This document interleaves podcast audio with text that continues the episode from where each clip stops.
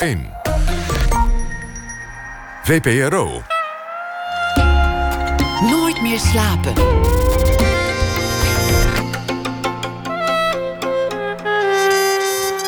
Met Wilfried de Jong. Goedenacht en welkom bij Nooit meer slapen. De komende twee uur ben ik bij u met veel cultuur. Met Naat Niels van 1 uur een gesprek over Stanley Hillis. Hij was antiekhandelaar, zou in het Vreemdelingenlegioen hebben gediend... maar bovenal was hij een van de grootste criminelen uit de Nederlandse onderwereld. We spreken met de biografen van Hillis. En we hebben het dan ook over ontzamelen. Het lijkt een trend te zijn om zoveel mogelijk spullen weg te gooien, weg te doen. Maar waarom is het toch zo moeilijk om bijvoorbeeld een boek weg te gooien? Ook hoort u het laatste deel van de serie over het vertellen van een goed verhaal. En ik praat weer met schrijver Alfred Schaffer... die voor ons een verhaal maakte bij het nieuws van de voorbije dag. Dat onder meer na één uur s'nachts. En in dit uur zit tegenover mij Erik van Lieshout. Ja, wie of wat is Erik van Lieshout? Is die een videokunstenaar, een schilder, een tekenaar of een performer, een artiest wellicht. Zijn werk is altijd zeer persoonlijk. Hij staat meer voor dan achter de camera, stelt vragen, vooral aan zichzelf, maar daarmee verplicht hij publiek ook om een oordeel te vellen over zijn kunst. Hij filmde twee maanden in de kelders van de Hermitage in Sint-Petersburg... waar hij leefde met 75 katten die er beroerd aan toe waren. Hij maakte documentair werk over het wel en wee van asielzoekers... en de zelfmoord van raketgeleerde Dolmatov... die zich na een mislukte asielaanvraag verhing in een Rotterdams detentiecentrum. En wat moeten we met zijn persoonlijke ontboezemingen... in de film Sex is Sentimental... waarin hij zo goed als bloot filosofeert, een minuutje dan en over zijn sekspartijen met zijn assistente Suzanne praat... op wie hij verliefd is geworden. Zijn laatste werk heet Die Insel. Erik van Lieshout zonderde zich bewust af op een onbewoond eilandje... in een meer in Hartje Dortmund. Maar vrijheid vond hij niet. Sterker nog, hij werd dringend verzocht op te hoepelen. Nou, nog een paar filmuitroepen van Erik van Lieshout... en dan gaat u hem echt zelf horen. Dit roept hij onder meer in films. Ik wil te veel of ik ben overgevoelig kan ik evenveel van de mens houden als van de kunst. Kunst en leven is één. Goedenavond, Erik. Hallo.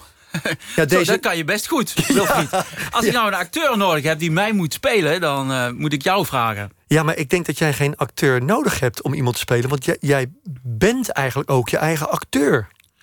Nee, maar dat heb ik toch wel eens gedaan, hoor. Acteurs gevraagd om mij te spelen... omdat ik zo af en toe genoeg krijg van mezelf. Oké, dat snap ik. Om en afstand te nemen om gewoon, om, om, om, gewoon te, om zelf niet in de film aanwezig te zijn. Om niet meer in de film te zijn, heb ik een acteur. Dat, dat is mooi, want dan kun je dus eigenlijk even naar jezelf kijken. En wat, wat, wat treft jou dan als je die acteur Erik van Lieshout na ziet spelen? Dat was Marien Jongewaard. Dus dan is dan, dat is al een, een, heel actieve, energieke, hele mooie man. Ja, een hele... Ja. ja. Maar ook... Uh, ja, een soort uh, nitwit en een leeg hoofd en een dommel. Dus uh, ja, dat, dat is heel mooi. Ja. ja. Maar alle, alle karakteristieken die je nu aan, aan, aan hem toeschrijft... schrijf je die ook aan jezelf toe? Ja, precies. Ja. ja. ja. dan, dan is het toch gek om een acteur te vragen, zou je zeggen. Dan is het toch het allerbeste nee, als je dat zelf op Dat moet ik zelf doen, ja. Maar ik heb, ik heb al in bijna iedere film... behalve de laatste, moet ik zeggen... is het een thema dat ik niet in die film uh, wil voorkomen. Bijvoorbeeld in de Insel, de laatste, of de, eigenlijk de ene laatste, want ik heb alweer een laatste film nu, nieuwe. Maar in de, de Insel, die film, eh, ben ik naar een eiland gegaan om echt uit de film te verdwijnen. Ja, dat was de opzet. Maar dat heeft te maken met het feit dat jij vindt dat jij als acteur, als Erik van Lieshout, te veel met jezelf bezig bent. En dat je dan denkt, ik moet daar nu eens van af. Ja, dat komt in, uh, in periodes, in, in tentoonstellingen en in grote, uh, grote exposities komt dat terug. Ja? ja. Dus om, om afstand, om niet zelf aanwezig te zijn in het werk. Ja, nou, laten, we, laten we dat gelijk eens bij de horens vatten. Die Insel. Ik ben, ben vanmiddag uh, tussen vier en vijf haalde ik het nog net. Want het is een film van een half uur. Die je in 2015 hebt gemaakt. In 2016 uitgekomen, als ik het goed heb. Ja. En die draait nu in het Cobra Museum in Amstelveen. Ik ben er naartoe geweest. Um, en ik zei net al, uh, jij wil jezelf afzonderen op een eilandje in, in, in Dortmund. Waarom heb je eigenlijk die plek gekozen? Um, ik heb, ben uh, dus, dus, dus een groot natuurgebied gevraagd om daar een kunstwerk te maken. En, en uh, die, die, dat natuurgebied, daar loopt een riviertje doorheen. Dus we, we, gingen op de fiets de natuurgebied door, 50 kilometer. En, en ik kwam dat meertje tegen, dat was super mooi. Maar ik denk dat ik het vooral gedaan heb omdat ik toen zo genoeg had van mensen. Ik had toen net een project gedaan met, uh, met producenten. En met een heel sociaal, heel, heel, heel sociaal uh, project. Met heel veel mensen. En ik had er gewoon helemaal genoeg van. Dus ik denk, nou, het volgende project doe ik helemaal in mijn eentje. En wat, wat, wat, op een had... onbewoond eiland. Ja, we dus. komen er zo op op het eiland hoor. Maar wat had je tegen uh, het feit dat je met mensen werkte? Ja, daar was zo vermoeiend af en toe met mensen. Oh, dat, dat, al die meningen. En dan, en dan moet je op een gegeven moment gaan samenwerken. En dan, je denkt in het begin je doet, dat je het nog allemaal alleen doet. Maar dan doe je toch moet die anderen die moeten ook allemaal hun ding erin zetten en hun mening hebben. En, ja. en dan moet het nog goed komen ook. En uh, ja, dat, dat, is allemaal niet, niet, makkelijk. Maar is dan het grootste probleem dat je je eigen zin niet helemaal door kunt drijven? Ja, ja. Dat was dus het, het project van de verbeelding, waar, waar, een speelfilm die ik dus gemaakt heb daarvoor. Dat, dat is een samenwerkingsproject geweest met producenten. Dus voor één, voor één keer heb ik geprobeerd met producenten samen te werken. Ja, dat is doodvermoeiend. Ja. Dus, dus wat, als, wat kunstenaar, als kunstenaar kun je beter gewoon de, de dingen alleen maken. Ja, dat snap en, ik. Maar ik ben nog even nieuwsgierig. Wat sorry. gaat er nou mis tussen, de, tussen jou en de mensen? Ah, wat er misgaat. Ja, ik ga altijd zo ver tot het naadje dat, dat het gewoon niet meer uh, te doen is. Dat, dat de mensen kunnen niet meer samenwerken met mij. Want die kunst die is zo, uh, die stuurt het ding zo aan dat het niet meer lukt. Er zijn maar twee mensen die met mij kunnen werken. En daar werk ik dus ook al. Uh, Wie zijn dat? Uh, Cor van de Hoeven en Suzanne Wenink. Suzanne is mijn assistente. Daar ben ik dus nu mee getrouwd. Vanaf, daar, met haar werk ik vanaf 2003. En mijn editor, daar werk ik vanaf 1999 mee. Is Cor van de Hoeven. Ja. Ja. En ja, die namen kom ik ook steeds op aftitelingen ja. tegen. Dus, dus dat zijn dus de mensen... Een daar kun je nog... klein team. Ja. En met, die, met, met z'n drieën, soms werken helemaal, nu, net als nu werken we helemaal alleen. Ieder doet zijn eigen ding. En soms moeten we heel veel samenwerken met z'n drieën. Maar dat werkt heel goed. Heel veel geïnvesteerd. Ja. Maar Erik, hoe vaak hoor je mensen niet zeggen... het is zo inspirerend om weer eens nieuwe mensen te ontmoeten. Ook bij kunstenaars. Ja. Leuk om met die en die samen te gaan werken. Ja, je kijkt me aan dat je... met tijden is dat ook wel zo, ja. ja. Uh, maar ik, ik had het er net ook met de taxichauffeur over. Hadden oh, daar kon je wel mee over. Kunstenaar zijn. Ja, als kunstenaar als eerste ben je toch gewoon alleen. En je Mhm. ziet, bent toch altijd die, die aantrekking van het atelier... en van het kunstwerk maken in je atelier. Is heel romantisch, heel ouderwets. Dat is toch de allereerste aanleiding om het te doen, uiteindelijk. Anders hoor je gewoon, uh, dat is jouw cabaretier... of uh, je, je, je, gaat ergens anders werken... Ja. Dat, of je gaat films maken met andere mensen. Maar als kunstenaar wil je toch, heb je die, die, uh, die, die uh, lege muur. Hè? Die Ja. lege ruimte. Ehm, en het atelier. Dat, dat, dat, dat, dat is de, het allereerste waar je het voor doet. En uh, daar moet je goed tegen kunnen. En dat is ook zwaar hoor. Alleen in je atelier zijn. Maar dat doe je toch echt voor. Ja. We komen er vast nog wel een paar keer op terug uh, in, in, dit uur. We gaan even naar die Insel toe. Want Mhm. dat, dat, je zegt dus van, ik, zocht een, ik vond een eilandje daar. Hoe, ik weet niet hoe groot het is. Maar juist bewust om nu eens even me terug te trekken... en weg te zijn van de mensen en alleen daar te zijn. Zo begon het. Ja. Als kun, weliswaar een kunstproject, want je wilde daar wel iets gaan doen. Ja, het is dus een artificieel eiland. Het eiland toen ik erop ging was vijf jaar oud. Hoe groot is het? Omschrijf Het is het even. 150 vierkante meter op zijn grootste. Dus misschien tussen, ik schat 135 vierkante meter. Dus het meer is, uh, het is, een, het is een klein meer. Het meer is vijf jaar oud. Het is uitgegraven in uh, Dortmund. In Dortmund was heel veel industrie. En die industrie is allemaal opgekocht, en wegge opgekocht door Chinezen en weggehaald. En doordat die, die uh, grote staalindustrie daar weggetrokken is uit Dortmund... Ontstond een meertje. En dat meertje hebben ze gecultiveerd. Om dat meer heen hebben ze allemaal splinternieuwe... hele lelijke Italiaanse villa's neergezet. Ja. En Nou ja, voor ander, volgens andere mensen natuurlijk heel chic... met Ja, grote ja, glaspartijen. zo- aan de het ziet er ook wel goed uit, Ja. inderdaad. Maar het is net niet... Maar, en dan iedere rij, de eerste rij kost een miljoen of twee miljoen... en de tweede rij iets minder. En dan zo om dat meer heen, ziet er prachtig uit. Ja. En dan midden in dat meertje ligt er een piepklein eilandje. En dat, dat zag er zo grappig uit. En zo oh, absurd eigenlijk. En daar ben ik dan, heb ik uiteindelijk vier maanden opgezeten. Ja, maar jij hebt dus aan, aan de gemeente uh, Dortmund... of, of de mensen die, die subsidie gaven gezegd... Dan, dan wil ik wel naar dat eilandje toe als kunstproject. Ja, ja, ja. dus en... er was een kunstproject, inderdaad. En, en ze hebben twintig kunstenaars uitgenodigd om iets te gaan doen, of vijftien. En ik ben op dat eiland gaan zitten. Wat heb je hun van tevoren gezegd dat je daar, wat je daar zou gaan doen? Um, Gewoon heb ik nou gezegd? Ja, ik, ga, ik maak een documentaire of ik maak film. Ik maak film. Een vaag verhaal dus. Ja, ik maak film. Ja, vaag. Ja. En ik wil liefst bewust, zitten. Be bewust vaag, want, want de ja, afloop... Ja, ik ben, ik, de afloop ben, kennen we. Je wordt er uiteindelijk min of meer afgebonjourd. Um, ja, en, en, mensen stribbelen tegen. Maar, ja, ja, dus je hebt niet alles verteld nee. van tevoren. Wat je, jij dacht gewoon, ik nee, zie dat wel doe ik niet, want dan weten ze zelf of ze zijn geïnteresseerd. Ze gaan op zoek. Maar ik zeg natuurlijk niks. Ik, soms zeg ik ook, ik ben gewoon een vreselijk type... die hier uh, ongelooflijke ruzie komt schoppen. Kan ik ook zeggen. Soms ja. zeg ik dat ook. Ja. En je weet hoe erg ik ben. Ik ben verschrikkelijk. Ik draai iedereen zijn nek af. Volgens, mij uh, valt dat wel mee. Ja. ja. Maar goed, je bent nee, daar naartoe gegaan. Je bent. Zo ga je er ook niet naartoe natuurlijk. Nee. Ja. Maar je bent er met een bootje heen gegroeid. Ja. En wat, wat, wat, wat, wat ontstaat er dan in jouw hoofd? Je gaat daar rondlopen. Je bent daar voor het eerst. Wat, wat bedacht je je?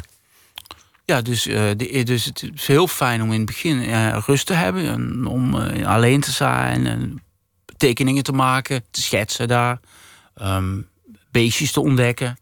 Dus al heel gauw ontdek je allemaal beestjes en, en, planten. En dan na een week of twee merk je wel... oh, het eiland moet me accepteren. Want het is een eiland, hè? het is echt een levend ding. En nou, eiland, accepteer me dan. Mm, dat duurde een week. Dus ik heb een week bezig geweest dat, dat de bomen accepteerden, een eiland me accepteert, gras, de planten. Wacht even, wordt het nou niet te zweven dat de bomen jou accepteerden? Het, ja, het, het, het levende ding uit eiland moest me accepteren. Dus, dus uh, ik, ik, heb, ik uh, accepteerde het eiland sowieso, want ik ben, ik ben de bezoeker. Mm Maar de, de, de, het eiland moet, moet jou ook als... Uh, welkom, hè, welkom moet, moet mij ook accepteren. Dus ja, merk dat is een wisselwerking. Waar merk je dat aan dat na een week dat ze... Dat, zij knikt de bomen een paar keer vriendelijk naar je? Ja, ik, heb, ik maak een film. Dus ik ben, ben met mijn filmcamera betrokken bij, bij het... Het eiland had bijvoorbeeld... Uh, ik kwam daar, daar, inderdaad, ik kwam erachter dat het eiland heel veel ijzeren soort van gaaswerken om zich heen had. Als een mhm. soort bescherming. Ja, nou, en ik vond dat het eiland die niet nodig had. Dus dan kun je toch merken van... oh, het eiland vraagt mij of ik al die palen en al het ijzerwerk weg wil halen. Ja, dus je bent dus, aan het werk gegaan. Ja, ik ben, ik ben al die palen met het ijzerwerk gaan weghalen... want het eiland, het eiland vroeg daarom. Ja, en zo ga, ga ik iedere dag door met dat eiland. Ja. En op het einde, op het, helemaal op het einde, ga ik er even heel snel doorheen... maar op het einde stond een hele lange bank van zes meter. Een soort, dat heet dan landschaftsbank landschaftsbanken waar je op kan gaan zitten. Want er is ook een stijger. En dan heb ik die hele bank weggewerkt, zodat je die bank niet meer ziet. Ja, want eigenlijk is het een eiland waar je alleen maar heel even als zeiler op zou kunnen komen. om eventjes uit te rusten en weer door te gaan. Je mag er niet wonen, je mag er eigenlijk niet leven. Maar het is voor jou een landschaftsinsel. Het is gewoon puur voor het zicht. Ja, maar voor jou was dus een uitzondering gemaakt. Maar waarom heb je die, die, die, die bank dan helemaal... dat zit aan het eind van de film, heb ik mm. vanmiddag gezien... helemaal, helemaal bedekt uh, met, met, met, met, met groen. Waarom heb je dat gedaan? Waarom camoufleer je dat? Camouflage, ja. Nou, het was op het einde ook met dat verdwijnen... dat alles moet verdwijnen. Dus ook de bank moest ook verdwijnen. En camouflage. Maar ik vond het ook belangrijk dat je vanuit het zicht... vanuit overal dat die bank gewoon weg was. Ja, mm wat mij nou verbaast is, mm. eh, jij zegt ik, ik, ik, ik, wil eigenlijk wel verdwijnen. Uh, maar je gaat naar een onbewoond eiland waar, waar allemaal chique mensen op uitkijken vanaf een balkonnetje. En die zien dan, dan die kalende man met die, met die stevige zwarte bril daar woest eh, aan het werk, zwemmen, wat officieel niet mag daar. Die, mm, zien, het, die zien, zien hem het eiland veranderen, die zien hem totempalen slaan. Dat, dat is toch niet verdwijnen, dat is toch opvallen? Ja, ja dat klopt, ja. Ja, dus dat, dat, uh, dan merk je dan heel snel dat dat verdwijnen op een eiland... zoals bijvoorbeeld Toteninsel was voor mij een enorme uh, inspiratie van Bucklin. Dat is een schilderij van waar, waar de doden naartoe gebracht worden. Mhm. Of bijvoorbeeld um, Derek Jarman's Dead Man... waarin op het einde dan um, Johnny Depp in die boot verdwijnt. Dat, is, dat is verdwijnen, hè? Ja. Dus ik ga naar zo'n eiland toe om te verdwijnen. En daar kom je dan achter dat dat niet kan. Nee. Is een soort van, van, dit is een soort van eh, tegenstelling. Ja, eh, maar, maar waarom kan het niet? Nee, nee, nee, uiteindelijk is het wel gelukt. Ik ben verdwenen. Ik ben met een camera bezig, hè. Goed, oké, ik, ik zet totempalen neer en eh, ik maak van het eiland... die mensen zien ook dat ik bezig ben. Ehm, ja, maar ik ben, ik, ben wel, ik ben wel aan het verdwijnen in de film. Ja, ik ben aan het verdwijnen. En dat is toch dat is duidelijk in de film. Ja, Ja, maar dat is, nog, dat, is, dat, is, dat is een film. Dat is bijna geanceneerd, zeg maar. Terwijl in werkelijkheid ga je, ga je steeds meer opvallen... en storen mensen zich zelfs aan. Je krijgt er ook eh, berichten door...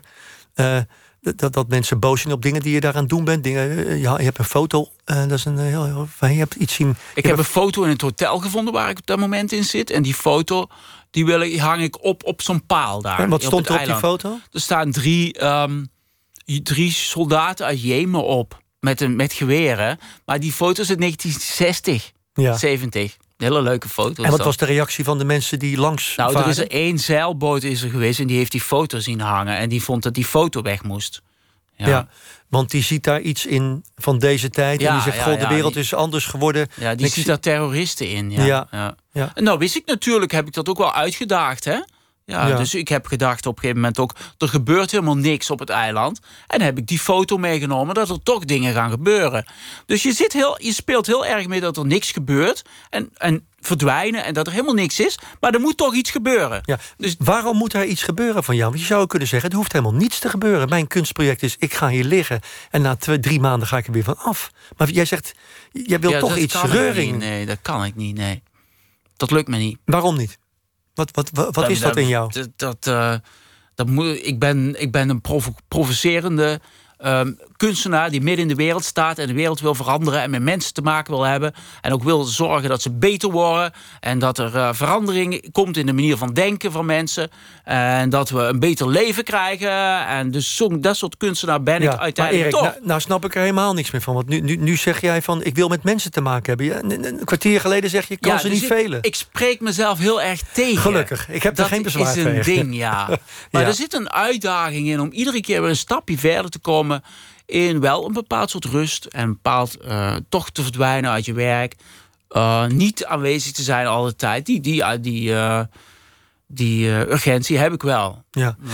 Er viel mij nog iets op aan die film. Je, je neemt een asielzoeker Mm. mee. En, en iemand uit Syrië die in Nederland, denk ik, woont. Of asiel probeert Nee, aan nee. te vragen. Het is dus zo dat er in de film echt niks gebeurt. In die eerste maand. En op dat moment komen er allemaal Syrische vluchtelingen ehm, Duitsland binnen. Is exact twee jaar geleden over, eh, over twee maanden. Dus die enorme stroom Syriërs die kwam. En er was een asielzoekerscentrum echt 300 meter van het eiland.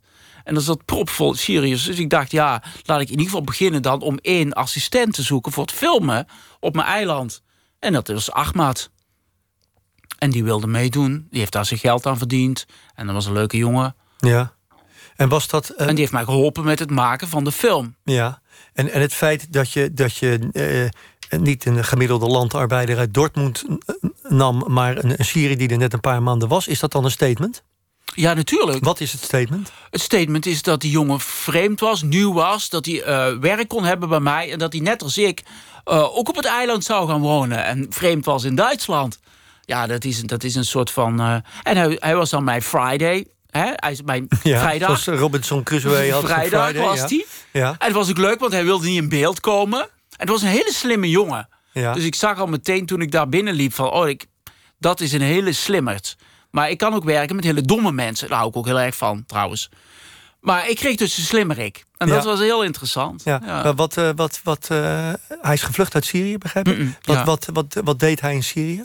Weet je dat? Ja, hij was chemicus. Hij is afgestudeerd eh, chemicus. En hij is nu weer bezig om, die hele, om dat helemaal op te pakken in Dortmund. En want zijn eh, diploma's die gelden dan niet helemaal, maar die gelden half. Dus hij moet, kan zijn chemie, chemiecursus is hij nu mee bezig om die af te maken in Dortmund. Dat is een heel eind mee. Hij, hij loopt nu stage en hij verdient 8,5 euro per uur Ja. moment. Oké. En hij heeft even een Duitse vriendin gehad. Oh nee, dat was een Syrische vriendin, maar die is weer uit. Oké, dus dat is ook belangrijk om te weten. Waar ja, maar ze is een leuke jongen, een slimme jongen. Is echt een, uh... Maar je, je, je, je, je hebt wellicht de krant van de laatste weken gelezen... waarin de uh, bekende politici, wel, uh, politici in Nederland zeggen van... we moeten eens, eens, ophouden met, met te zeggen dat we ze niet willen. We kunnen ook denken, Syriërs, vluchtelingen... kunnen wij in de toekomst kunnen, kunnen heel belangrijk zijn voor ons land. Ben jij daar gevoelig voor, voor dat argument? Gebruik je dat ook in, in dit kunstproject? Nee, nee, dat heb ik niet gebruikt. Maar die, die jongen die is knetterhandig. En die jongens die willen graag, ja. Ja. Dus nee, ik, had, ik, had die, ik had die jongen nodig. En dat was gewoon duidelijk. Ja. En nu? Wat, wat dit, dit, kunstproject is afgesloten, afgesloten. na drie, vier... Ik hou contact met hem. Ja. Ik zie hem jammer genoeg heel weinig. Eigenlijk bijna niet. Maar uh, omdat ik mijn volgende tentoonstelling in Hannover is, is op de weg naar Dortmund. Dus ik hoop dan nog even bij hem langs te gaan. Ja, dat is dus, Friday, ja, Friday wel voor je blijft werken, wou je zeggen. Ja, maar hij, hij zit helemaal in die chemie. En hij kan mij niet helpen met mijn bouwen van mijn installaties. Want daar gebruik, heb ik ook altijd heel teams voor. Hij is ongelooflijk uh, onhandig met die dingen. Oké. Hij kan helemaal niks. Ik wil nog even naar, de, naar die insel. Aan die, die film eindigt dus met dat er, dat er verzet komt vanuit de omwonenden. Maar ook... Uh, nee, die, film eindigt uiteindelijk dat de camera verdwijnt. Ja. heel belangrijk. Ja, in, in onder water. Ja, het geluid verdwijnt ook. Ja, ik, wat ik doe is de camera die... Uh, hoe noem je dat? Waterboarding. Dus die camera die wil maar niet weg. En op een gegeven moment ga ik die camera waterboarden. Weg, weg. En dan, en dan lukt dat. Dus op een gegeven moment valt hij ook uit, de camera. Want ik stop hem om, doe de, ik doe hem in een soort container onder water. En hij verdrinkt echt. Dat heb ik er niet in gezien. Dat is, dat is een falen van mij, hoor. Oh, Oké, dat maakt niet uit, nee. nee. Maar, maar wat mij opviel was er ook... Ik, ik geloof dat ik nu zijn naam weer weet. En zeker meneer Detlef, klopt dat? Ja, ja was Detlef, ja. Ja. Detlef was, was um, dus, dus om dat meer heen heb je de mensen die het meer betrooien. Die zorgen voor het meer. En een van die ambtenaren was Mr. Detlef. En die krijgt er gigantisch van langs in de film. En door, door, door jou, jij speelt zo'n poppen, ja, poppenkasten eigenlijk met hem, hè? een soort van. Ja. En waarom krijgt hij er van langs? Wat nou, doet hij verkeerd? Die, die, die, komt, die komt heel vaak langs en die zegt op een gegeven moment dingen van... Wie lang blijven ze nog her van Lieshout? en zien ze, hebben ze niet genoeg gefilmd? He, Egypte is nog uh, en zo, weet je wel. Oh, ja, wat dus, had u dan gezegd, en, en als je dan, Erik? Als je dan in je eentje daar zit op dat eiland... Ja. dan wordt er zoiets heel groot. Als je ja. alleen maar... In, ik zit als ik ga werken doe ik verder niks anders. Dus ik heb verder geen niks. Ik zit alleen op dat eiland, helemaal gefixeerd op die film en op dat eiland. als iemand zoiets zegt, dat werkt gigantisch door. En dat wordt zo'n groot ding. Ja. En hij heeft ook iets... Wat was het nou ook even met, ja, met die foto was hij ook al zo... Maar en uiteindelijk is dat natuurlijk gewoon een aardige man. Dus oh, die, film, wel. In, die man, die film is af. Ja, ik geef hem gigantisch van langs in die ja, film. Zeker. Gaat er echt ja, maar je, zegt, je zegt, je zegt vind... dit is het hoofd van Detlef. En ik pak een balk en ik poem, poem. Hè? Dus, ja. en maar bij, die, bij de opening, dat is nog leuker. Je trekt hem ook af als paal. Ja, ja, ook nog. Detlef. Ja. Detlef wordt echt Detlef, aan alle kanten behandeld. Detlef, ja, hij krijgt ja. er gigantisch van langs. Ja. En dan, maar jij zegt, het gek is weer, jij, jij zegt van hij krijgt er gigantisch van langs in de film. Ja. Maar je zegt een minuut eerder, het is een hele aardige man. Dus later na de edit, een half jaar later, zit ik bij die film, bij de opening. Ja. Was het in Dortmund? Neem ik was aan? in Dortmund, ja, bij het eiland. Heeft die hele kunst, de hele kunstding wordt geopend. Hartstikke veel geld tegenaan gesmeten. Podium erbij, noem maar op. Alles erop en eraan. Dus ik zit in mijn film. Komen mensen naar me toe. Oh, meneer Detlef komt eraan lopen. Dus ik ga, die man die komt met zijn vrienden binnen zitten. In die, in die installatie. En die beginnen me daar toch te lachen en te grinniken. Eentje niet. Maar de, en, die begin, en ik ga naast hem zitten. Hè? Dus ik ga, ik zeg, ik, ja, ik ga gewoon, ik denk, ja, oké, nu krijg ik er ongelooflijk van langs. Ik ben er gewoon keihard langs gaan zitten. Maar hij nam het enorm goed voor. En, toen hij dus inderdaad met zijn kop kreeg, deed hij ook zo, auw, auw, auw. Dus maar hij heeft dat heel erg goed opgenomen. Oké. Ja. ja. Eigenlijk beter dan de omwonenden. Ja, die vond, beter. Die, vond, ja. die, waren, die waren je liever uh, dat weet ik kwijt niet, dan rijk. Ja. Toch? Ja. Wat zegt dat over, wat zegt dat over die? Jij zei net, die mensen hebben huizen van miljoen, die kijken op dat meer uit en dus ook op het eilandje. Wat zegt dat volgens jou over de mensheid? Dat ze jou liever kwijt zijn dan rijk? Ja, ik vind, ik heb een enorme hekel aan burgertrutten. Moet ik er een antwoord op geven? Ja, graag. Nog een keer? Ja. Of ze, ze mij liever, liever kwijt dan rijk zijn, zeg ik. Ja, Ik, Maar wil, jij ik, zegt, vind, heb- ik, vind, ik heb daar gewoon, gewoon pirateneiland van gemaakt. Dit is gewoon vrijheid. Dit is gewoon shit. Dit is gewoon kut. Dit is gewoon een vrijheidseiland. Dit is gewoon mega baggershit. Dit is gewoon kutzooi wat ik doe daar op het eiland. Dit is mega vrij. Hè? Dat doe ik daar. Ja, en dat kan op die plek. Want die mensen die wonen eromheen. Ik heb er zo ongelooflijk genoeg van. Ja, zo, zo, zo is het ook. Hè? Ja, zo doe ik het altijd. Maar van waar deze, deze overdrijving? Van waar deze haat jegens mensen die goed verdiend hebben? En burgertrutten zijn geworden? Ja, eh, eh, Wilfried, ik heb daar geen. Zo is het gewoon. Ik, ik, ik kan het niet. eh, ik kan er gewoon niet uitstaan. Ik ben gewoon zo ongelooflijk anti die burgers en die burgerlijke trutten. Kijk, als die mensen. Wat, nou wat, echt- nee, maar we gaan er even op door. Wat, wat, is, wat, wat haat je zo aan burgertrutten? Ja, waar had ik dan nou zo aan? Hmm. Eh, ja, Gilbert en George die zei dat laatst in de interview heel goed. Twee, twee beroemde kunstenaars. Ja, twee, die zeiden van, van eh, ik hou, we houden van arme mensen en van hele rijke mensen. Want hele rijke mensen kopen kunst. Maar alles wat ertussen zit, dat zijn zulke vreselijke mensen. Ja. Wat neem je ze kwalijk? Ja, dat is, ik weet niet, misschien ben ik niet, in- niet tolerant genoeg. Ja, ik moet ze accepteren. Ik zou mijn best moeten doen. Maar kun je, kun je dan eens een omschrijving geven? Wat een, kun je om, ze zitten je in de weg. Ja, In welk opzicht? ja waarom, waarom vind ik dat zo moeilijk? Ja. Leg eens uit wat burgertrutten zijn in jouw ge- gedachtegoed. wat zijn ik heb, dat? Ik, heb, ik maak films met burgertrutten. Ik bedoel, dus, eh, eh, mensen die iets slecht hebben of die. Ben, ik ben, ben een voorstander van mensen. Ik hou van mensen. Ik, ga, ik help mensen. Dus ik zou ook. Maar, maar die, die mensen die dat zijn, nou net die mensen die echt heel veel geld hebben. En dan net niet, net niet zoveel geld hebben, die kopen er geen kunst van. Uh, Ja, maar dit is wel heel egocentrisch gedacht. Dus iemand is Ja, een burgertrut ja, ja, als hij rijk is, maar hij koopt geen Erik van Lieshout. Ja, kom op, Erik. Ja, ik. Zit je vast? met- ik, Zit vast, ik zit vast in de midden, in de middenmoot. Zit Ja, jij vast in de middenmoot? vind dat, dat die, Ja. die mensen, dat, dat- want ik kom echt wel bij rijke mensen op bezoek. Ja. En dat trek ik echt. Die hele dure kunst hebben, en miljonairs. Daar kan ik goed mee omgaan. Ja. En arme mensen, zo, maar, maar zo die midden. Die zie je ook veel in jouw films. Die figureren veel in jouw films. ja, ja, ja, iedereen. Hè, die, die film, eh, ik had het over die, die film eh, over de asielzoekers. Daar, daar, daar, daar gaat de camera van jou mee naar binnen in hele gewone cafés. En dan spreek je met alles en iedereen. Maar- dat vind je wel leuk. Ja, maar Wilfried, hoe kom ik hier nou op? Ja, je, je, zet me voor het blok. Nee, ik zit niet voor het blok. Jij hebt zelf gezegd ja. dat die, men, die rijke mensen die om maar dat die eiland onder het eiland, dat vind ik echt moeilijk, ja. Ja, maar het is een enorm... Ik, Maar ik, het is ook... Ze zitten op een plek waar gewoon mensen gewoon altijd hard gewerkt hebben, weet je wel. Dat is, de, de- dat is die, die hele ijzerhandel die zat er Ja, maar omheen. Erik, dit is toch Maar geen dat gewoon argument? normaal. Nee, dat is geen argument. Nee, dat klopt. Dat kun je niet maken. Nee, dat is geen argument. Nee, daar heb je gelijk in. Ja, ja, Waarom heb ik zo'n hekel aan die mensen? Ja. Weet je, en ook als ik daar dan rond, geef er nou toch nog eens een antwoord op. als, Probeer het nog als eens. ik daar rondliep, dan keken ze op. Want ik liep daar rond met die camera. Dan kijken ze ook rond van, ja, wat, loopt, wat, maken ze daar? Wat lopen ze rond met de camera? Want er wonen heel veel, heel veel voetballers ook omheen. van, van, want het stadion is Mhm. Eh, van Dortmund. Borussia. Ja, Ja, Borussia is, eh, ja. is 300 meter verderop. Ja. Ja.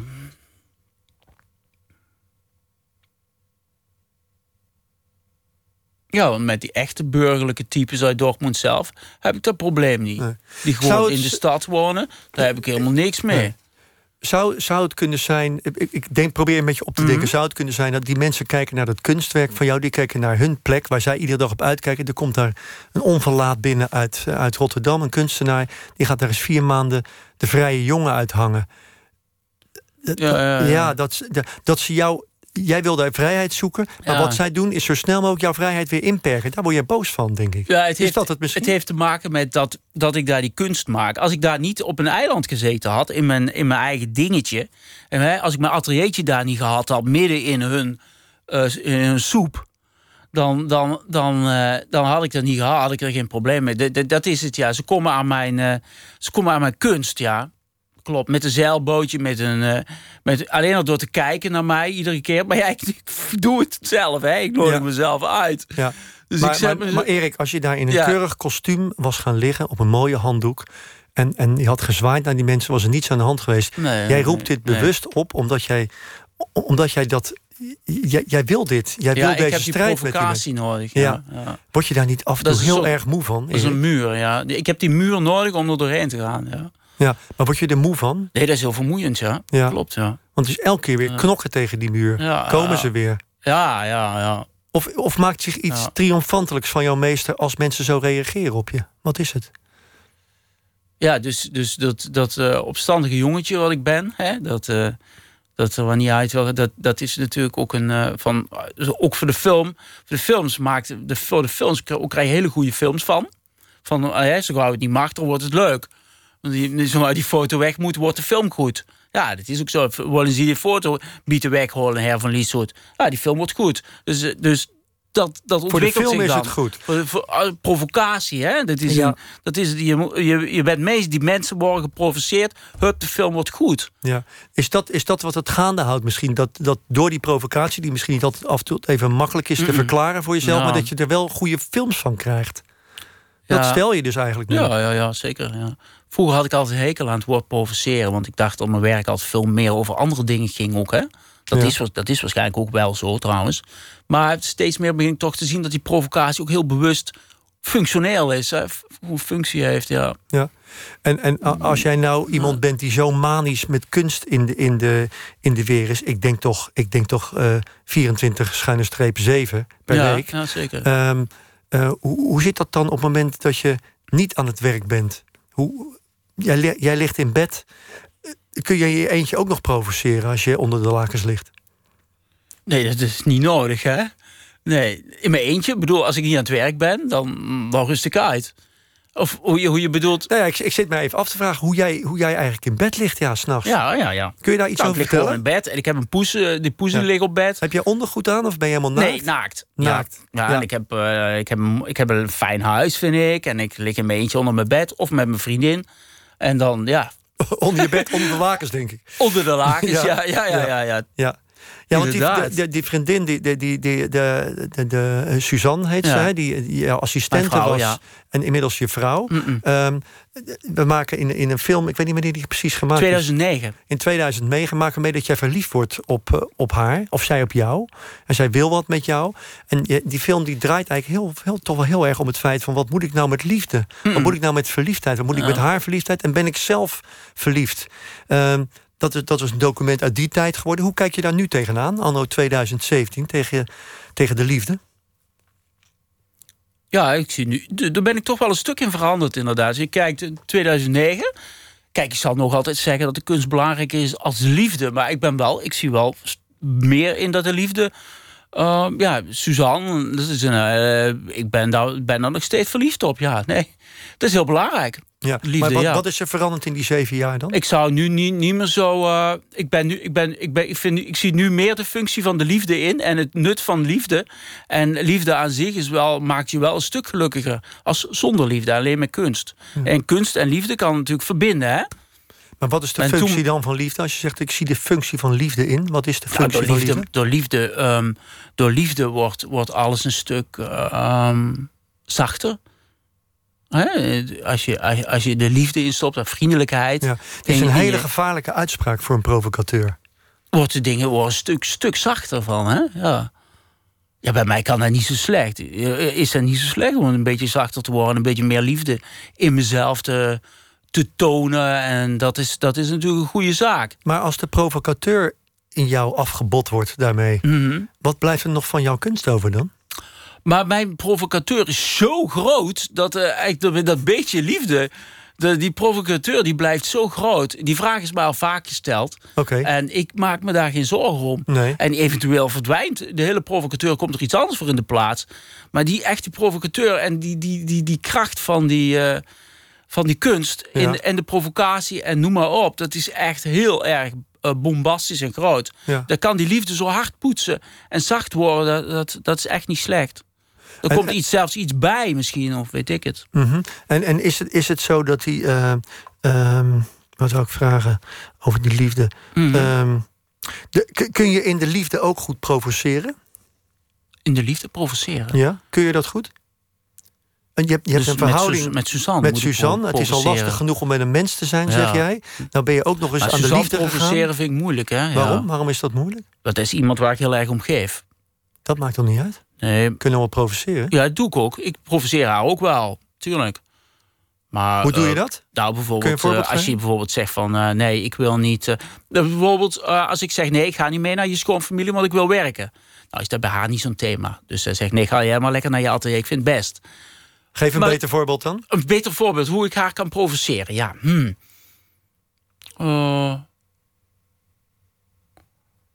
Ja, dan moet ik dingen doen waar zij niet van houdt. Zoals? Ze houdt bijvoorbeeld, eh, ja, dat zeg ik voor de radio, maar ik ben gewoon eerlijk. Suzanne houdt niet zo heel erg van de kunstwereld, zeg maar. En ik wel. En dat zou, ja, dat is, dat is een ding. Ja, Dat ze is, dat is, dat is een ding, dat is een dagelijks ding dus. Ja, want wij Zij werken- vindt er eigenlijk niks aan, maar ze werkt er wel in. ze werkt, nee, maar ze vindt het wel leuk, maar er, ze zit ook... Nee, ze ook- vindt er niks aan. zeg je Nee, ze, ze vindt de kunstwereld wel. De kunstwereld is een, is een hele aparte wereld. Hè? Ja. En daar houdt zij niet zo van. Nee. Ze zit liever met mij in mijn atelier. Of ze zit liever, wat, wat trouwens bijna nooit is, ze zit liever in haar eigen kantoor te werken. Als, als in de kunstwereld op een opening of zo bedoel ik dan. Dat soort dingen, daar houdt ze gewoon niet van. Kun je je enigszins voorstellen eigenlijk dat ze dat niks vindt? Ja, ja. Vind jij openingen leuk?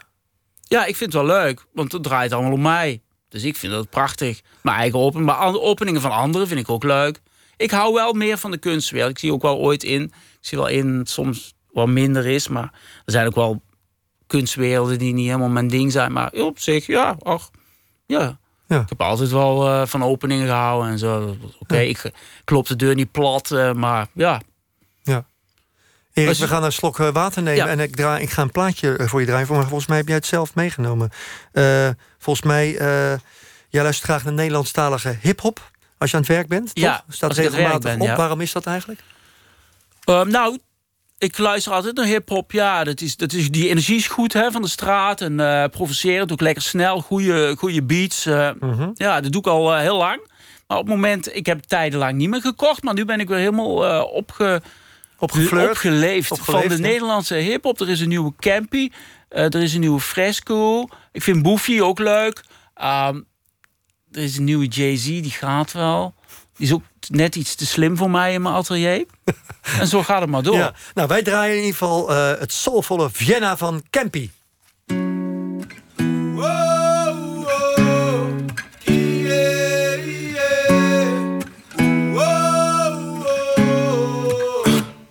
Ik moet je dit vertellen.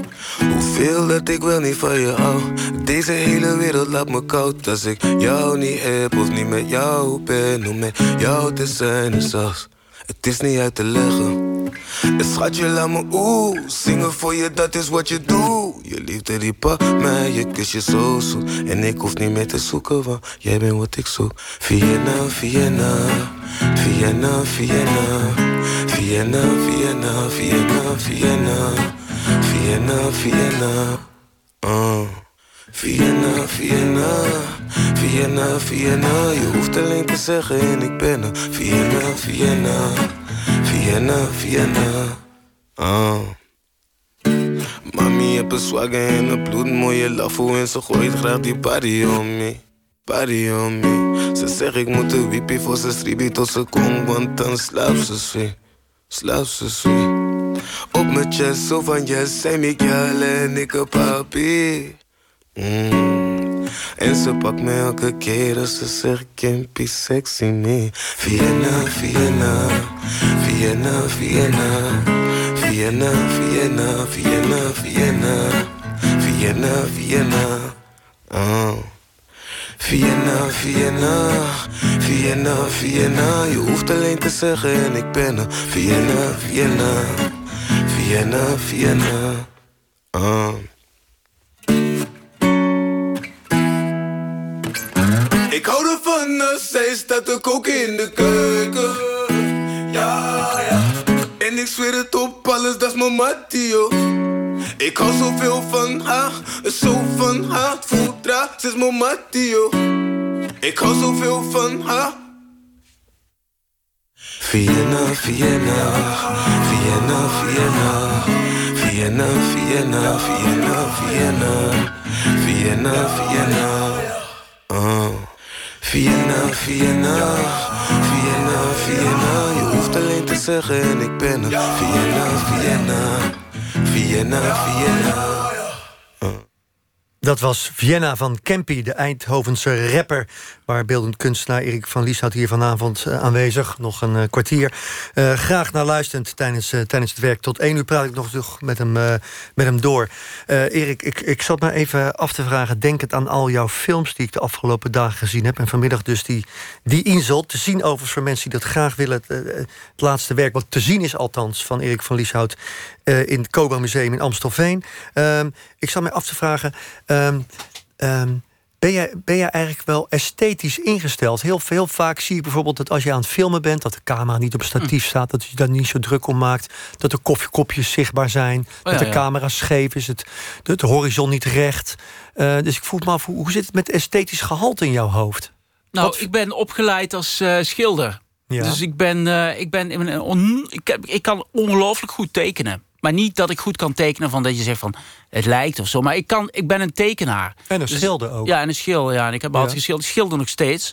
Ik heb nu net heel veel geschilderd. Um, en uh, ja, dus die film die is er gewoon bijgekomen op een gegeven moment. Heel lang, heel lang. Terwijl ik al heel erg als kunstenaar uh, bezig was. Al. En dus dus die, die films die kwamen er gewoon bij. Dus ik heb dat helemaal niet serieus genomen de, ah, materiaal. Nee, want en je filmt vaak zelf, hè? Ja, daardoor ontstaat juist goed materiaal. Als, als ik opgeleid was als filmmaker... vanaf mijn twaalfde films bezig geweest was... was ik nu een of andere esthetische boerenlul...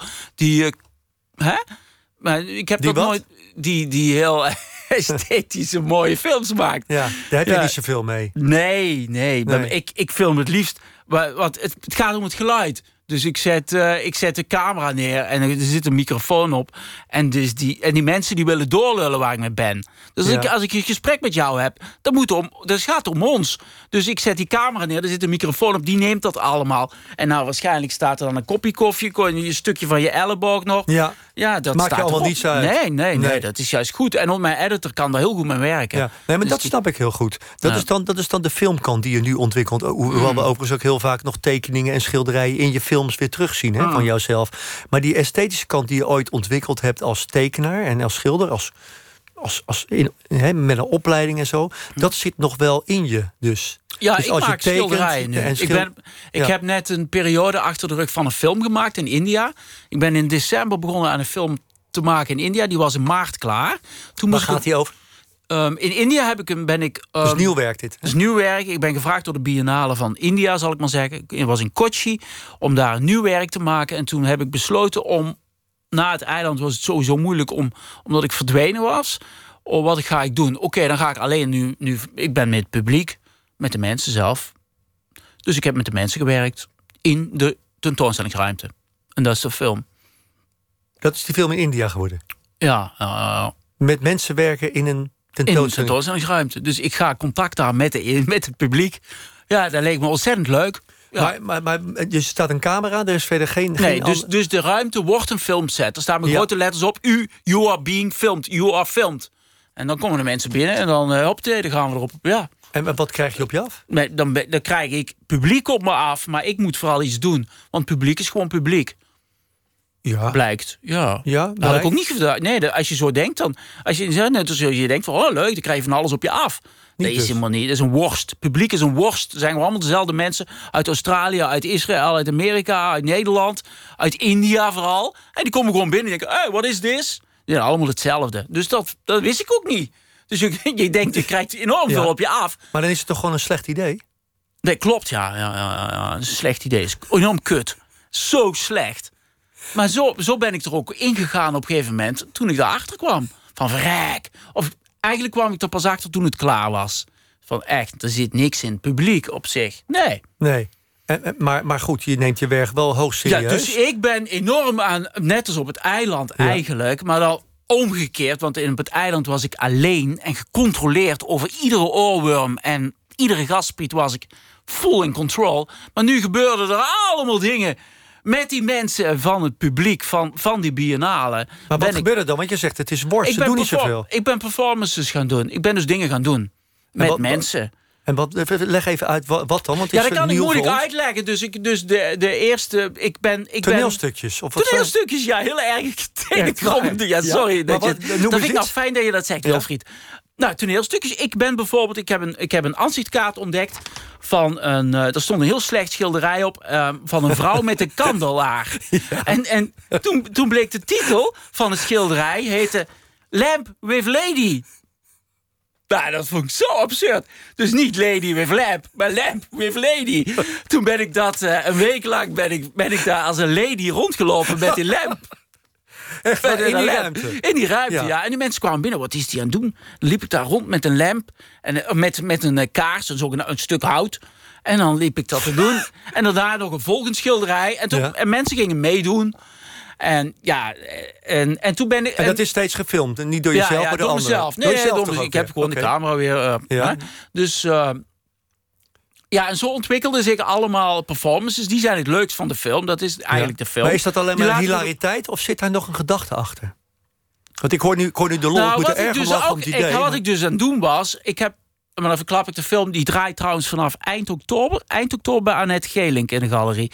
En anders eh, in Hannover vanaf 15 september. Mooi. Nieuwe Dat heb ik film. maar weer gezegd. Ja, heb je dat ook weer gezegd? Ja, want dan moet ik toch zeggen. Nou, uiteindelijk ben ik ook, heb ik, maak natuurlijk heel veel tekeningen en collages. En die had ik in die hele ruimte, om die ruimte heen gehangen. Ehm, en ik heb geiten genomen al heel snel. Want ik wilde niet de hele film nu verklappen.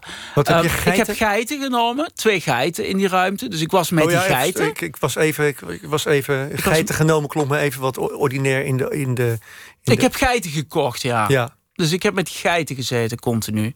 Dat was heel Ja. leuk. dat is eigenlijk... Het doet me, is klein, dat moet ik trouwens vaker aan denken als ik jouw werk zie. Dat doet mij denken aan Joseph Beuys en de Ja. Hyena. Ja, ja, Klopt het is, dat? Is dat een verwijzing? Dat klopt, het is een verwijzing. En toen heb ik ook mijn werk, want dat werk heet I, lo I, like, I Love America, America Loves Me. En ik heb, ik heb toen heel groot op de muur gezet. I, oh nee, I like America, America likes me. En ik heb ook groot op de muur gezet. I love India, India loves me. Ja. Dus en toen ben ik met die geiten. Ja, dat was puur, is puur dezelfde. Alleen Ja. ik met geiten, ja. Ja. Ik maak even, ja, Jozef Hmm. Beuys, misschien zullen mensen hem niet kennen, maar in ieder geval een kunstenaar, hè, een, een, een, eh, een, een, een, een Duitser, bijzondere kunstenaar, die, die ook eigenlijk zichzelf, zichzelf altijd wel centraal stelt in de kunstwerken. Vaak. Hè? Ja, Dat geldt voor Nou, hij jou is ook. een, voelt ook, wel en ook politiek. Hij heeft een politieke partij opgericht op het einde. Die film draait trouwens nu in Boymans. Oké. Die, van die coyote. Goed, Ja, goed, ja, om ja, te, goed om te weten.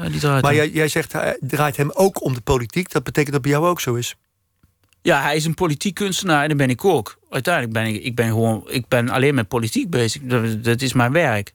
Ik probeer dingen te veranderen met mensen.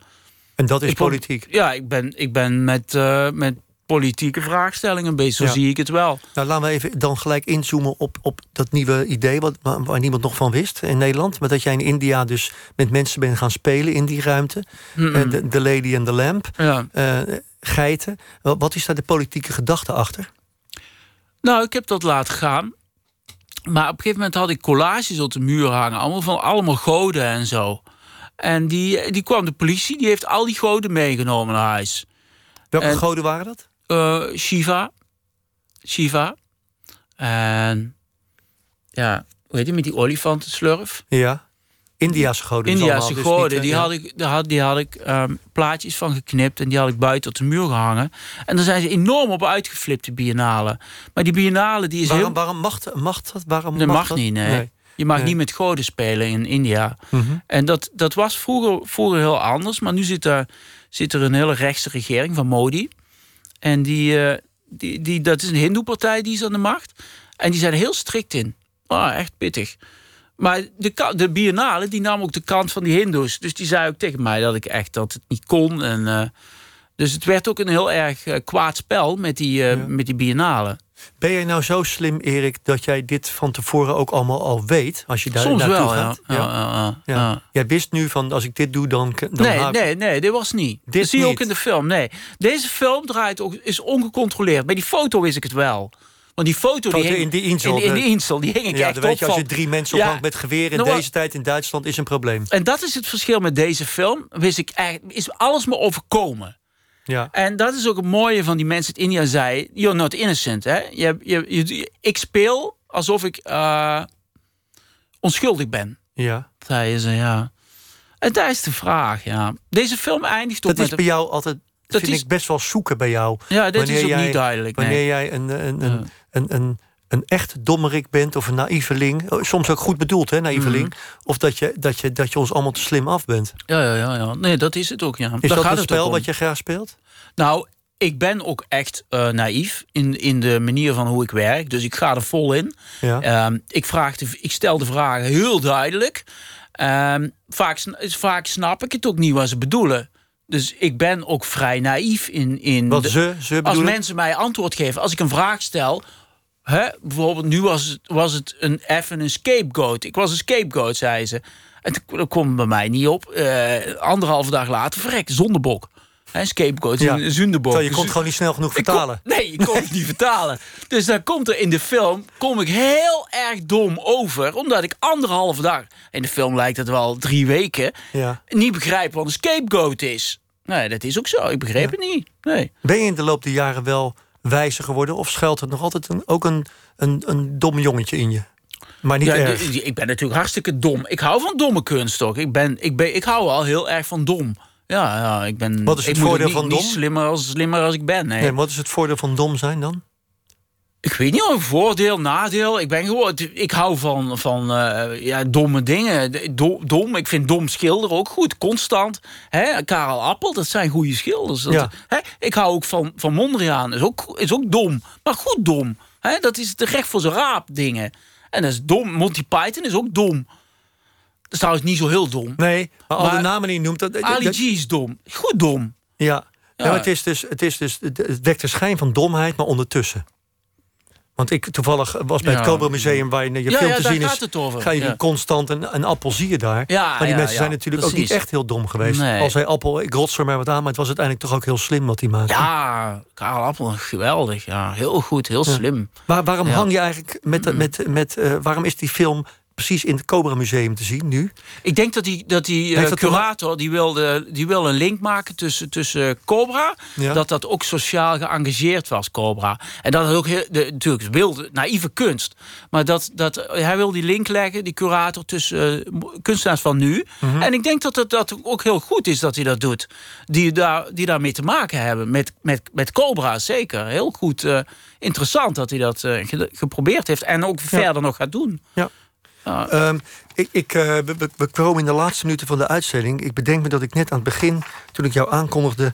vier zinnen heb eh, gehaald uit jouw films... waar jij iets uitkraaide. Hè? Mhm. eh, moedeloos of vrolijk of gek of wat dan ook. Zul die alle vier nog één keer even tegen het licht houden? Goed, ja. En dan zijn we daarna klaar. Hè?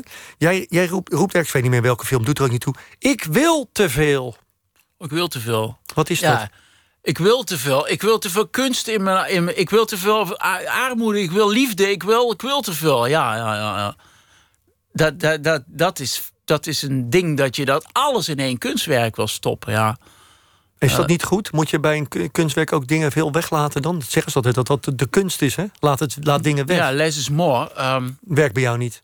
nee, nee, werkt bij mij niet. Nee, nee. nee.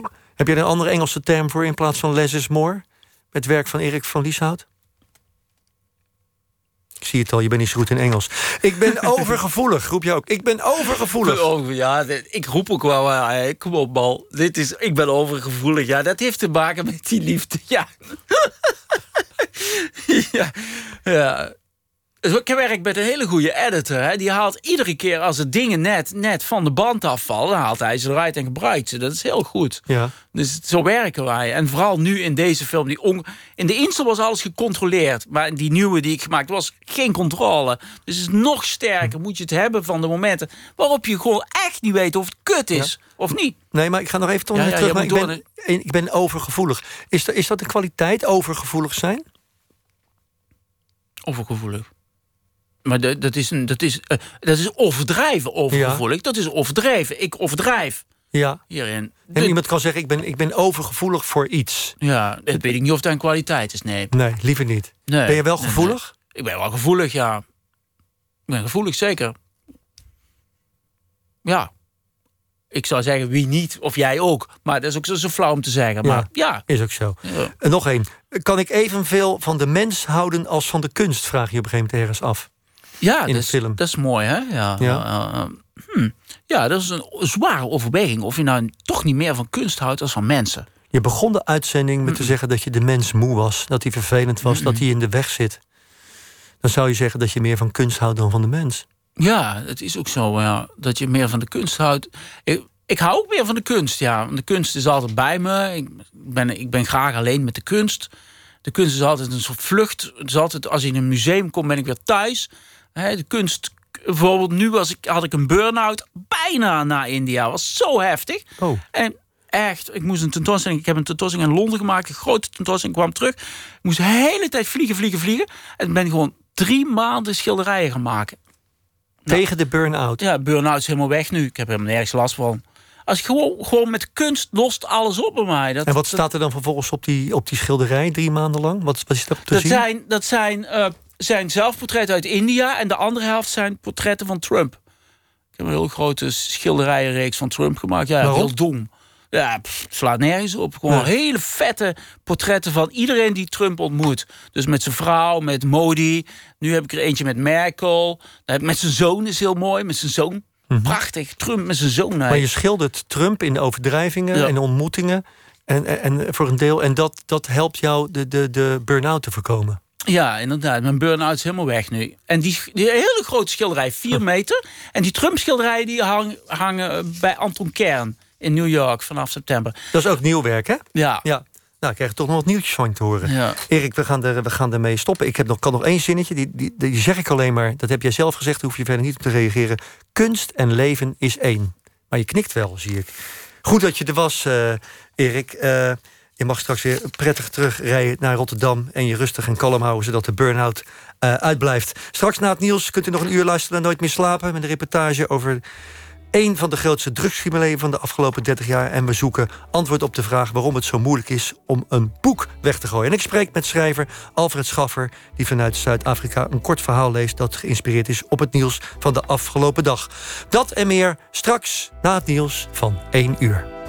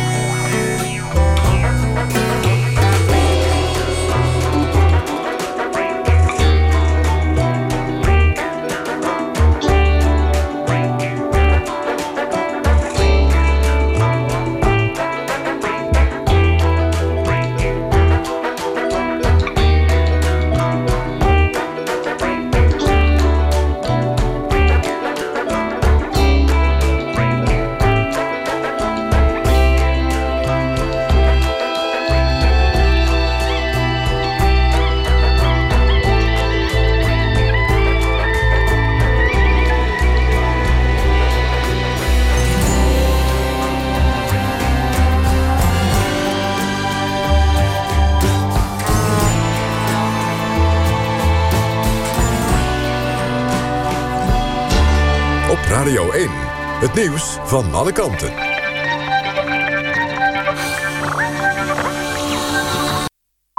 Eén uur, Lot Lewin met het NOS-journaal.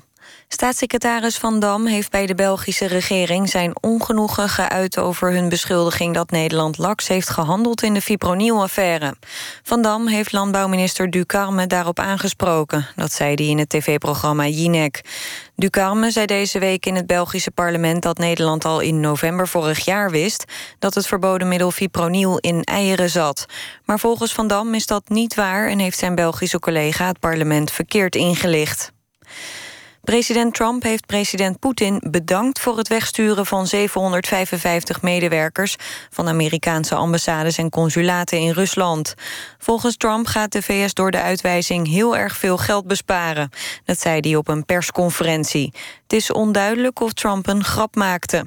Poetin stuurde eind vorige maand ruim 60% van de diplomatieke medewerkers uit de VS terug.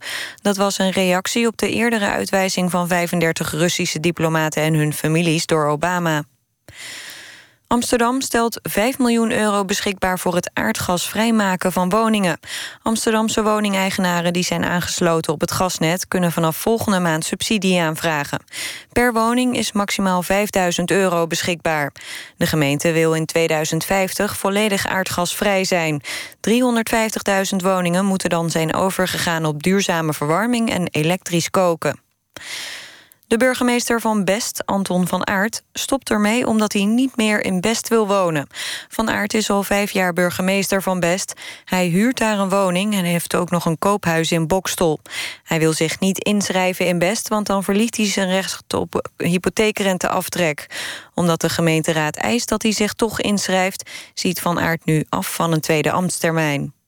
Het weer dan nog, het is wisselend bewolkt en op een enkele plek valt wat regen. Overdag in het oosten regenachtig weer. In het westen schijnt geregeld de zon. Het wordt 17 tot 20 graden. Dit was het NOS Journaal. NPO Radio 1. VPRO. Nooit meer slapen.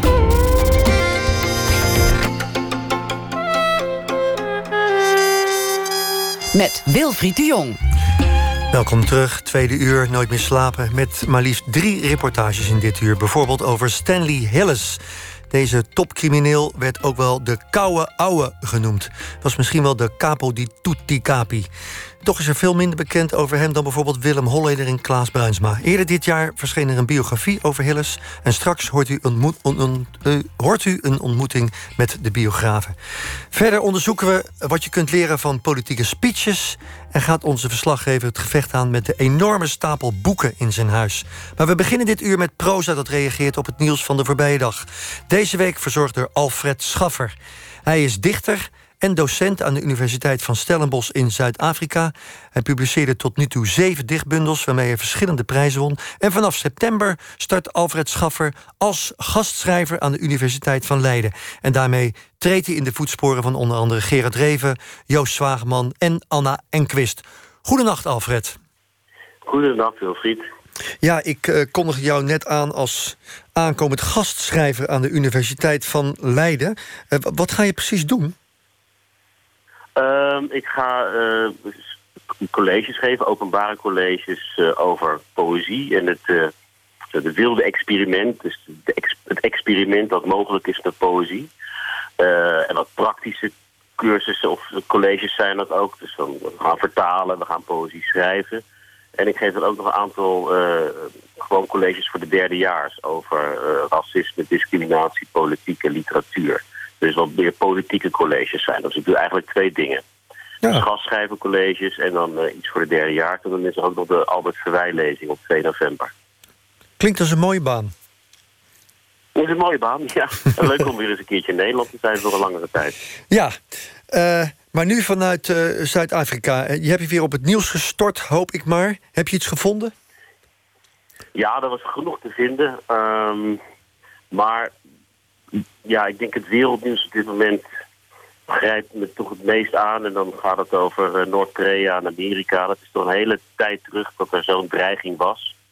En uh, ja, ik zat eens te denken, wat kan ik daarmee doen? Maar daar, daar heb ik toch wel iets, iets mee gedaan voor Mooi. vandaag. Ik houd mijn mond. Mijn leider is mijn heer en meester. Hij is goed voor mij en voor het volk, waarvan ik deel ben zoals een mier deel is van de berg waarop hij loopt. Onze fotogenieke leider vindt ons het belangrijkste volk van alle volkeren. Gisteren regende het, op bevel van onze leider, dat het gras en de zee hadden dorst. Mijn leider heeft het recordaantal hole-in-ones op zijn naam staan. Hij heeft het golfspel uitgevonden tijdens een zwemtocht van de noordelijke naar de zuidelijke stille oceaan. Wij aanbidden onze leider, want andere leiders weten niet wat het volk wil. Andere leiders zijn gekke henkies. Onze leider is vruchtbaar, want hij is bevriend met mensen die beroemd waren. En hij heeft ook een dochter. Het enigmatische kapsel van onze leider is authentiek en benadrukt zijn uniciteit. Vrouwen, kinderen, dieren, planten, alles en iedereen wil een haarstijl als dat van onze leider. Zijn goddelijke huis torent hoog boven de wolken uit, omdat hij een genderneutrale godheid is. Hij heeft de popmuziek uitgevonden, de diepvriesmaaltijd, de misverkiezing en de schuifdeur. Onze leider heeft zijn eigen televisiekanaal met nieuws dat gebaseerd is op de waarheid. En de waarheid wordt voorgelezen door een enthousiaste nieuwslezeres. Onze leider is de wereld en onsterfelijk. Wij zijn met velen en zullen vechten. Vechten voor hem. Wij prijzen zijn radioactieve raketten. Zijn schitterende nucleaire woorden vormen ons gebed. Hij spreekt tot ons in korte soundbites, maar wij zijn niet bang, want oorlog maakt sterk. En van een beetje bluffpoker is nog nooit iemand doodgegaan. Onze leider heeft een eigen vliegveld in zijn badkamer en hij zwaait naar zijn onderdanen, omringd door camera's. Zie hem zwaaien. Altijd. In beeld. Wie niet in beeld is, kijkt naar zijn goddelijke, lange afstandsgezicht en huilt. een goddelijk lange afstandsgezicht. Wat mij opvalt is dat onze leider geen naam eh, van je krijgt. Betekent dat dat de weerzin te groot is? Ja, en uh, het is ook redelijk inwisselbaar, heb ik het idee. Um, het is natuurlijk, het is in wezen, ja, ik moet altijd denken, nou altijd, maar ik moet in dit geval echt denken aan die Gumba. Ik weet niet of je hem kent, waar uh, zo'n generaal de telefoon neerlegt. Een andere soort SS-achtige generaal staat koffie in te schenken. Die ene generaal zegt van, uh, ik geloof toch niet dat wij die atoombom hadden moeten gooien of. De vijand is woedend. Het is, het is ongelooflijk spelen met vuur en misschien blijft het wel bij, bij wat woorden, maar ja, ik, ik vind het toch voor de eerste keer eigenlijk best wel alarmerend wat hier aan het gebeuren is. Omdat je geen enkel pijl kunt trekken op deze heethoofden. En als je dan die filmpjes voorbij ziet komen, dan denk je van wat een rare mensen zijn daar op dat moment eigenlijk aan de macht. Dat, en dan merk je dus dat je als onderdaan, als gewone burger, jij en ik, dat we eigenlijk helemaal machteloos staan. En het lot ligt eigenlijk in het handen in de handen van dit soort mensen. Dat zijn vreemde gedachten. Ja, gisteren sprak ik met uh, een antropoloog, uh, fotograaf Teun Voeten. En die, uh, die, die zei dat eigenlijk die oorlog, die koude oorlog die we nu even meemaken tussen deze twee mannen uit Noord-Korea en Amerika, dat het eigenlijk een heel ouderwets aandoet. Dat het niet meer van deze tijd is. Jaren 50 gevoel. Ja, ja, maar was het maar nostalgisch, dan, dan kon je nog om lachen. Maar ik, ja, ja, hopelijk uh, gaat het, loopt het allemaal met de sisser af. denk je, nou ja, dat was weer een beetje bluffpoker. Maar ja, ik, ik, ik hou het toch wel meer in de gaten dan normaal gesproken. Ja. Goed, Alfred uh, Schaffer, ik, ik zou uh, tegen jou willen zeggen... Uh, houd moed en tot morgen. Gaan we doen. Dat rusten. Goedenacht. Goedenacht. De Belgische band Balthazar heeft een sabbatical ingelast. Diverse muzici werkten aan solo-carrières... onder wie zanger-gitarist Jay Bernard. Hier is zijn nummer Wicked Streets.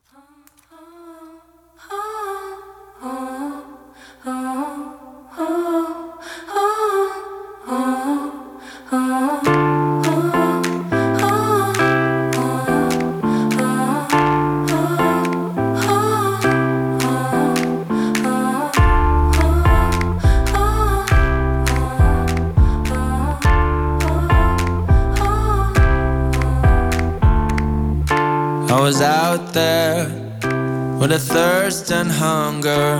I was out where I could feel much younger. I was kneeling, await some revealing, some release for these worn out knees. It don't matter what you say or do, what you feel, it comes right after you.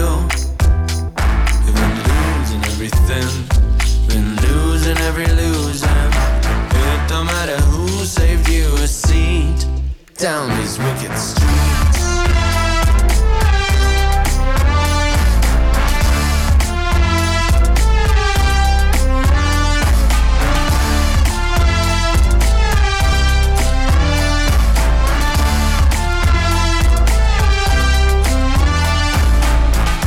Coming up now through the smoking night air. Get your kicks now down these wicked streets where, I was shaking.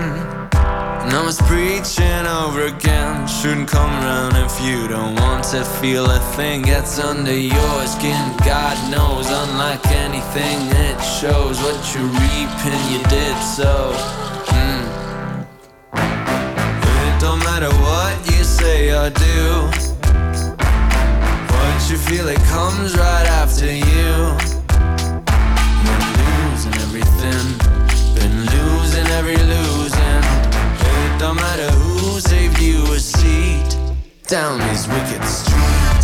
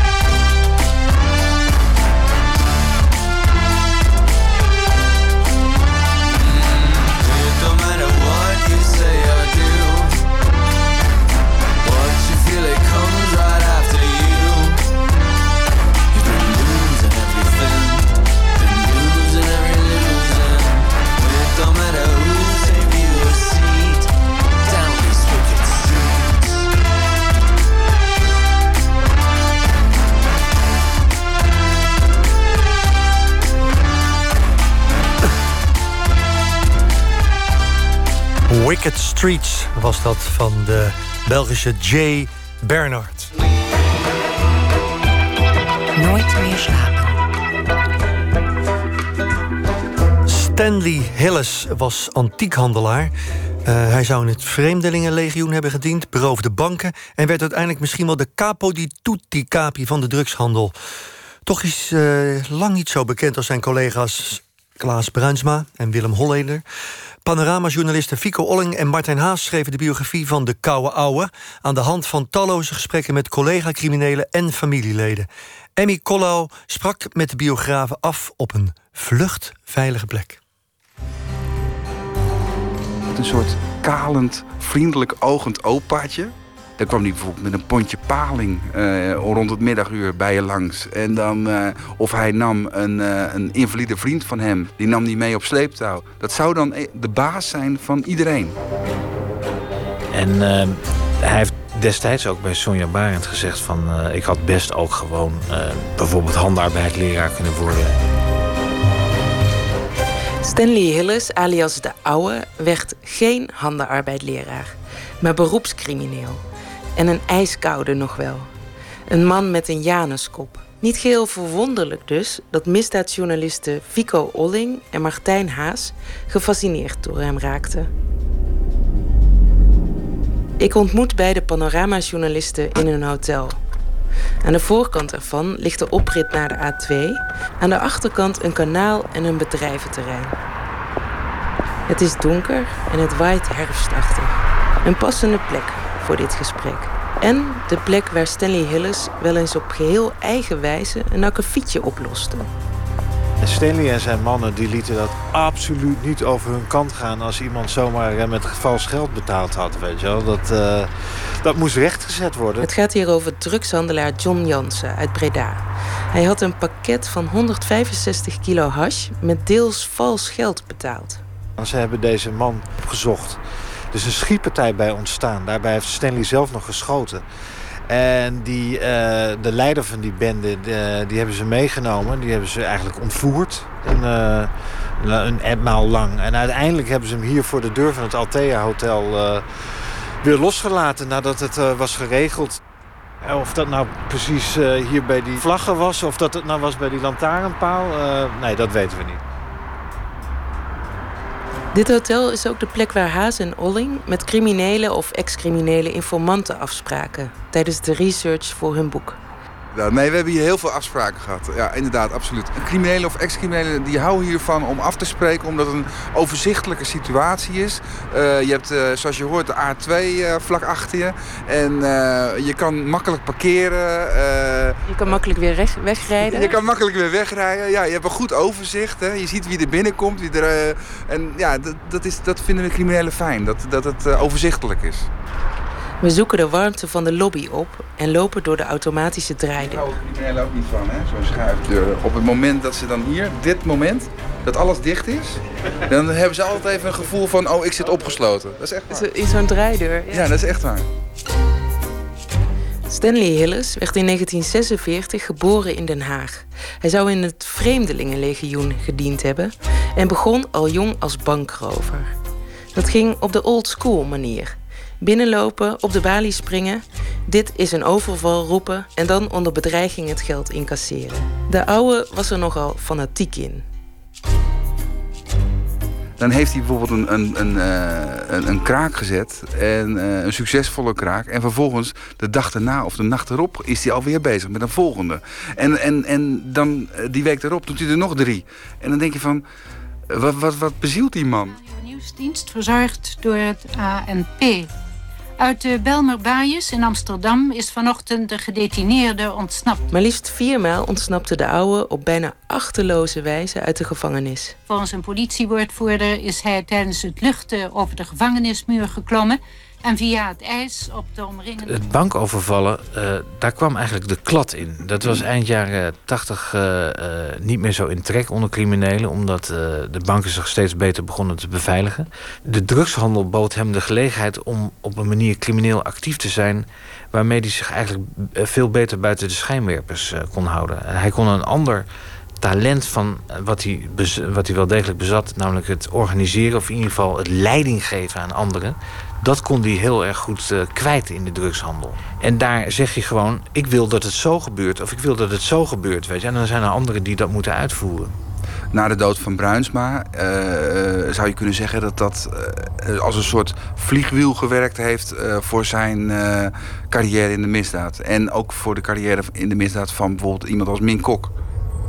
Stanley Hillis had een slechte jeugd, met alles erop en eraan. Maar ja, dat verklaart natuurlijk niet alles. Eigenlijk hebben de meeste criminelen geen gelukkige jeugd gehad. Hè? Maar uh, niet iedereen met een ongelukkige jeugd wordt crimineel. Weet je wel? Er zijn er ook die, uh, die zwerver worden. Of er zijn er die juist gewoon toch uiteindelijk een maatschappelijk aanvaardbaar bestaan gaan leiden. Iets heel simpels als een status willen hebben. Weet je, er toch toe willen doen. Weet je wel, de misdaad biedt de gelegenheid dat jij toch die man bent met die villa en die zes Porsches voor de deur. En dat snelle geld uitgeven, dat wat veel criminelen doen en wat hij zeker ook deed, dat, dat, dat komt uit, voort ook uit die behoefte om de hele tijd maar te merken van... ik ben belangrijk, ik doe er toe en kijk nou eens eventjes... Uh, het is uh, uh, wat ik nou weer heb gekocht, weet je wel. Een feest te geven, weet je wel. Waarbij iedereen kan zien hoeveel er verdiend is, weet je wel. Een, feest op zich is alweer een soort statussymbool. Dat klopt. En, en ik denk ook dat het te maken heeft dat hij een soort persoonlijke wraakoefening uitoefende op de, op de maatschappij gewoon de maatschappij die hem ja, heeft gevormd, of misschien wel heeft misvormd, hè, zou je kunnen zeggen. Uh, instituten, scholen, jeugdopvang, tehuizen. Die, die, die overvallen op die, op die banken en, en wat dan ook. Dat, dat, dat is daar ook een soort uh, afrekening van. Wat dan wel weer typisch Stanley Hillis, uh, Stanley Hillis maakt... is dat hij er dan wel weer een hele redenatie bij had. Hè? Zo van, ik doe dit geweldloos, ik doe dit slachtofferloos. Uh, de maatschappij zag hem als een zware crimineel... maar hij zelf zag dat toch wel genuanceerder. Van ja, ik, ik doe de dingen die ik doe, maar ik kies mijn eigen sluipweggetje. Een beetje Robin Hood-complex. Ja, een Robin Hood-complex, zeker weten, weet je wel.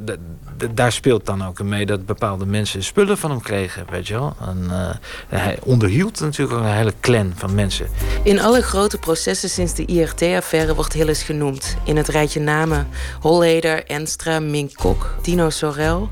Hij ontwikkelde zich misschien wel tot de capo tutti capi. Stanley en toch is hij misschien wel het meest bekend van een legendarisch optreden bij Sonja Barend. Wie er nu naar terugkijkt op YouTube, waant zich in een sketch van Coat en B. Alleen al vanwege zijn slechte plaksnoor en donkere zonnebril. Dat moment dat Stanley Hillis bij Sonja Barend in die uitzending kwam, dat was een beetje een, raar sinister moment. Dat. Uh, de onderwereld die zich in één keer zomaar laat zien op televisie. Volgens mij is het een hetzer aan het worden. Ja, wat zeggen ze dan? Dat ik uh, schiet graag, levensgevaarlijk of vuurgevaarlijk ben. Is dat niet zo? Is niet zo, absoluut niet zo. Misdaadboeken voeren in Nederland al jarenlang de bestsellerlijsten aan. Al die aandacht voor criminelen, nu ook weer door Olling en Haas. Natuurlijk, het is allemaal reuze spannend. Maar toch, waarom twee jaar van je leven geven om alle details rondom het leven van één grote crimineel te vinden? Ik vind het. Uh de, de, de mooiste vorm van journalistiek. Misdaadjournalistiek. Het gaat over goed en kwaad, zeg maar. Over zwart en wit. En tegelijkertijd eh, weet ik dat er heel veel grijs tussen zit. Dus uh, nooit is iets helemaal goed. Of nooit is iets helemaal, helemaal, helemaal slecht. Maar is er meer, vroeg ik me af. Is het ook niet een manier om dicht, om dicht bij een wild leven te komen... dat je zelf nooit zou leiden? Neem bijvoorbeeld die dag in Beirut dat Haas en Olling met Min K, een van de grote jongens, op een bowlingbaan belanden. Het is je reinste Big Lebowski. Ja, weet je wat het gewoon is? Wat mij, volgens mij Fico ook aanspreekt, is het, de anarchistische houding. Weet je wel? Kijk, wij zijn zelf geen criminelen, we hebben geen strafblad. Maar dat, dat je een beetje anarchistisch ten opzichte van de maatschappij staat, dat is uh, ongetwijfeld een feit. Weet je, dat, uh, dat je ja, de, af en toe een beetje buiten voelt staan. Weet je. En dat, uh, ja, dat manifesteert zich op allerlei verschillende manieren. Weet je. Ik heb zelf nog niet eens een rijbewijs. ik werk ook niet voor de Volkskrant of de NRC Handelsblad, weet je wel. Eh, het, wij behoren niet tot de elite, laten we zo zeggen. Misschien dat andere mensen er anders over denken, maar we, we hebben onze eigen plekje. En dat, ja, dan voel je je inderdaad wel uh, uitgedaagd om juist met criminelen te praten die ook overal buiten staan, zeg maar. Op maandagochtend 21 februari 2011 komt Hilles tegen 5 voor 12 met zijn rode Mitsubishi Pajero de Amsterdamse Vizostraat ingereden, waar hij met iemand heeft afgesproken. In 2011 wordt Hilles geliquideerd onder mysterieuze omstandigheden. De politie is namelijk undercover in grote getalen aanwezig. Deze beelden lieten we u in mei vorig jaar ook al zien. Toch zijn de moordenaar of moordenaars van Stanley Hillis nog altijd niet aangehouden. Meneer Wijzer, goedenavond. Ja, ik, ik was destijds toen die onderwereldoorlog woedde... waar Stanley dan eventueel bij betrokken zou zijn geweest... Uh, ja, het klinkt zo ouderlijk, maar dat baarde me zorgen. Weet je wel? Dat, dat, uh, dat je eigenlijk nauwelijks doorgeeft wie dat nou waren... en dat tot op de dag van vandaag er eigenlijk ook niemand uh, voor veroordeeld is. Weet je wel? Dat... Wij hebben dan zeg maar eventjes uh, die opdracht tot ons genomen... om eens een keer al die mannen te gaan spreken... Uh, uh, die daar misschien wel iets meer van af weten. Dus in die zin is het net het ene stukje aanvullen... dat controleren van de macht wat een journalist hoort te doen. Ik vind echt dat wij dat hebben gedaan met dit boek. Het is dus niet alleen van, oh, wat is het spannend... en daar willen we ook een beetje deel van uitmaken. Het is ook gewoon van, hé, hey, wat leeft er hier in de maatschappij? Wat spoort er hier niet? En, en waarom uh, wordt er niet wat aan gedaan.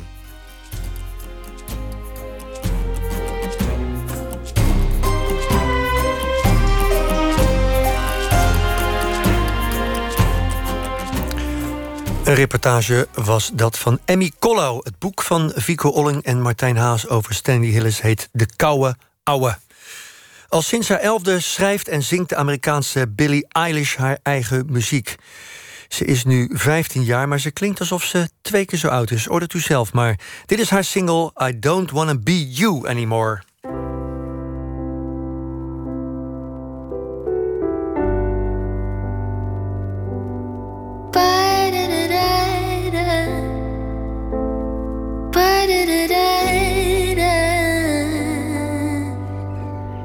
Don't be that way. Fall apart twice a day. I just wish you could feel what you say. Show never tell,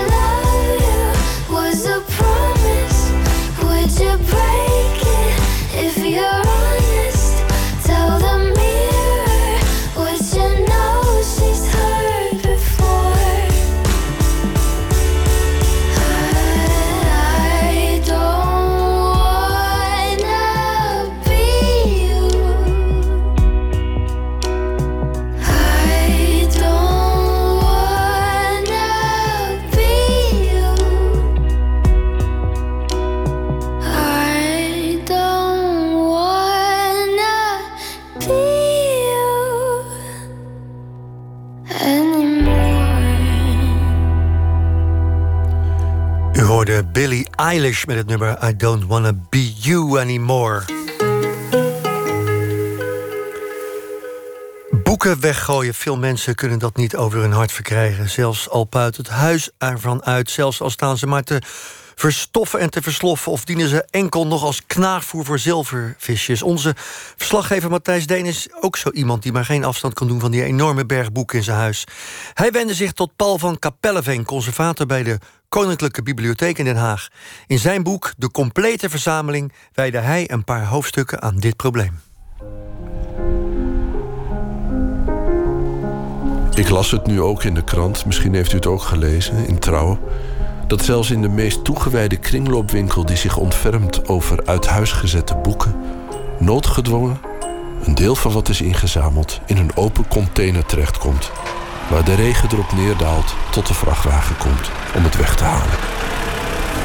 Ook mijn boekenkasten zijn vol. Er liggen stapeltjes voor op de grond. Misschien moet ik opruimen. Ik stel het uit. Ik wil er niet aan.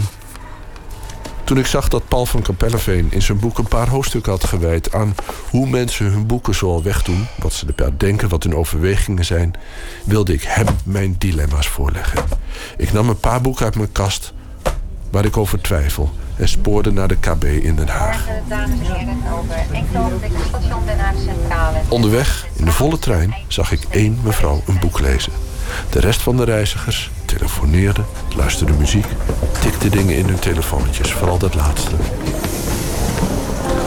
Met een zware rugzak vol boeken liep ik naar de Koninklijke Bibliotheek. En onderweg dacht ik, ik hou van die boeken, maar ja, waarom eigenlijk?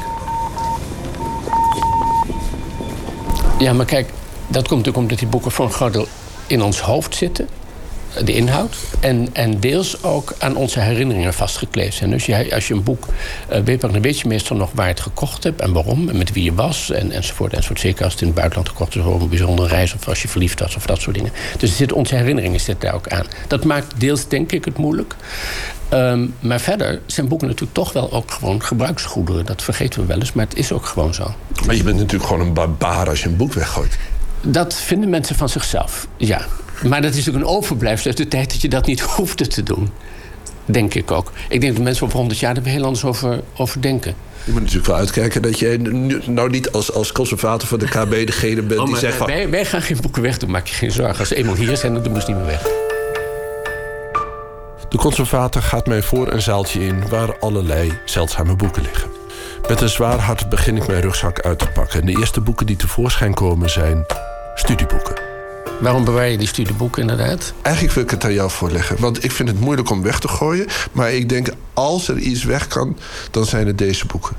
Ja, alle, alle zelfhulpenboeken ben zijn het helemaal met je eens. Die zijn een paar categorieën die ze zo, zo van de planken rukken... en, en het liefst in het vuilnisvat gooien. En dat zijn inderdaad studieboeken. En uh, uh, gidsen, hè, toeristengidsen, zoals jij ook van Japan hier hebt. En, en, ik heb ooit gedacht, ik wil naar Japan. Ja. Maar ik heb die droom... Nog niet waar, maar dus die kun je nog niet wegdoen. Hè? Dus dat is een probleem. Want dan wil je nog naartoe, dus je kast met dromen. Dat, maar dat, kijk, je gaat die studieboeken natuurlijk... die hebben, die hebben twee problemen. Ten eerste, uh, jij gaat ze niet meer doorlezen voor je studie. Dus je hebt er eigenlijk niet meer nodig. Iets anders is dat ze meestal verouderd zijn. Studieboeken worden natuurlijk steeds bijgewerkt. Dus de, de nieuwste generatie wil de laatste bijgewerkte druk hebben... en niet waarschijnlijk de tweede druk uit 1970 of zo. Ik noem maar wat. Goed, dus de... Dat geldt voor reisgidsen ook. Reisgidsen verouderen natuurlijk heel snel. Maar als je de reis niet eens gemaakt hebt, dan, zit je, dan is, heeft het een heel andere functie natuurlijk. Deze staat naast Chili en die staat naast Canada. En dan ben je wel geweest? Nee. Ook niet, oké. Okay, okay. Nee, maar nee, dan, dan wordt je. Dat wordt een dromenkastje. Maar het wordt ook een, een, herinnering aan. Ja, toch dat je die dromen niet hebt aangemaakt. Dus. Nee, maar dat kan dus altijd nog gebeuren. Dus dat, dat, kijk, wat uh, de zelfhulpboeken daarover zeggen is uh, weggooien wat, wat je niet meer leest. Of zelfs niet meer half leest. Vind ik tamelijk streng. Maar dat gaat er ook vanuit dat het goed is om boeken weg te doen. Hè? Dat, dat het huis opgeruimd is, dat er niks staat wat je nodig hebt. Een soort utilitaire inrichting van je huis. Waarvan je denkt, nou, als ik mijn huis kijk, er staan een heleboel dingen die ik nooit gebruik. Hmm. En dat is maar goed ook. Het, het, gaat uit van een idee dat je een perfect leven moet leiden... waarin alles alleen maar uh, een functie heeft. Maar boeken hoeven niet elke dag een functie te hebben natuurlijk. Ze zijn ook heel geduldig. Dat boek van Breiten Breitenbach een man waar ik ontzettend veel bewondering voor heb. Ja. Ik weet zeker, dat ga ik nooit meer lezen. Dat weet je nooit. Mijn Maar- ervaring is dan, als je het eh, de deur uit hebt gedaan... eh, dat je dan een week later moet je een reportage voor iets maken... en dan heb je toch even breed en breed wacht nodig... en dan denk je, godverdomme, ik heb dat boek net weggedaan. Moet je het opnieuw kopen. Punt is... Ah, kijk aan, er staat een opdracht in. Ja, kijk, dat verandert de hele zaak natuurlijk weer. Dus dat boek, dat kan ik, dus, dat kan ik gewoon niet weggooien, toch? Eh, weggooien zou ik niet doen. Ehm, maar een opdracht van Breed en Beterbach is natuurlijk nog wel wat waard voor verzamelaars. Het is al, dus dat, dat, zou je kunnen, dat zou je kunnen verkopen in plaats van weggooien, zou ik maar zeggen. Er zit nog iets tussen dan. Hè? Nee, dat zou ik misschien erger vinden Omdat dan je- weggooien. maar heb je het gekregen van hem of had je het expres afgekocht? Dit boek is van mijn schoonmoeder. Oké, juist. En dat had ik van haar geleend voor de, voor de gelegenheid, omdat ik hem interviewde. En toen heeft hij er iets in gezet. En toen heeft mijn schoonmoeder gezegd... nou, dan moet jij dat boek natuurlijk hebben. Ja, dan is het jouw boek geworden, inderdaad.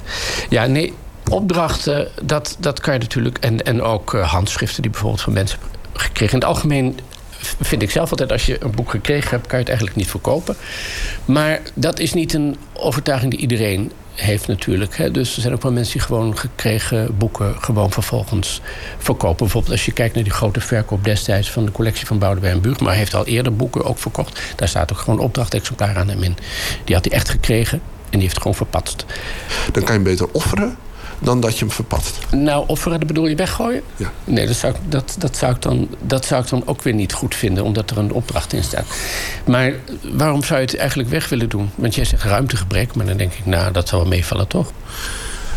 Nou. Kun je, kun je niet meer over de boeken je bureau vinden? Nou, weet je- Er staan de gangen helemaal vol. Zo erg is Zo het gaat het met boekenverzamelaars bijna nooit. Ik ken maar één voorbeeld, dat is Martin Ros... die dan zo'n agen- zo'n zo'n garage heeft... waar je dan zo'n plastic zak net nog in kan gooien... en dan moet het gauw dicht, weet je wel. Dat zijn... Ik heb een keer op een film gezien, de opname van gezien... vond het chockerend natuurlijk, maar dat, dat zijn uitzonderingen. Van mij hoef je niks weg te doen. Maar als jij dan niet meer bij je kast kan komen... heb je natuurlijk een probleem. Of als je je boeken gewoon niet meer... Ja, omdat je gewoon niet meer ruimte daaraan wil besteden. Dat is gewoon een hele praktische overweging.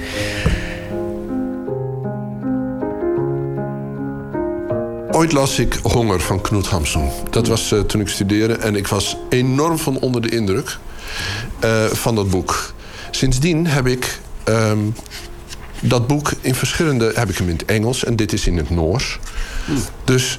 ehm, maar, Lees je Noors? Nee. Nee, nee, leuk. Ja. Nee, ik- ik kan ben niet eens geworden. Ja, kijk, als je dus dingen gaat eh, kopen die je niet kunt lezen... Dan, dan ben je wel een verzamelaar geworden. Eh, en nu is het moment dat ik denk... Je hebt dus, je hebt dus thuis een heel Knoet Hamsun plankje. Neem ik aan.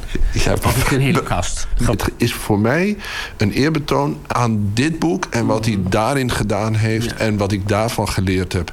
Dus daarvan zeg jij, eh, ook al kan ik het niet eens lezen, ook al is de, de uitgave waardeloos, jij zegt houden. Nee, ik geef geen advies. Hè. Daar, daar kwam we niet voor. ik, ik geef nooit adviezen. En ik zeg ook niet wat het waard is. Want ik zit in de bibliotheek. Het boek hebben geen waarde voor ons. Eh, Behalve als we ze moeten kopen natuurlijk. Maar dat is, dat is een prijs, dat is geen waarde. Nou, laten we zeggen dat het gesprek wat we erover hebben, dat, Ja. dat, dat neem ik mee in mijn Ik, ik, ik afweging. citeer, ik citeer wat, wat, wat, onze, wat men zegt. Vrouwen voornamelijk waren het trouwens, die opruimers, hè, die boeken daarover schrijven. Die, wat die zeggen, en dat zijn, dat zijn nogal opruimerige types. Dus die zouden zeggen, nou, dat, dat ga je dus nooit lezen, dus weg ermee. Ik zou zeggen, het betekent iets heel anders voor jou dan, dan als boek om te lezen. Dat is net zoals je, weet ik veel, een, een zilveren kandelaar koopt of zo... die je waarschijnlijk één keer per jaar aan, eh, een kaars inzet en aansteekt. Maar je kijkt er wel naar.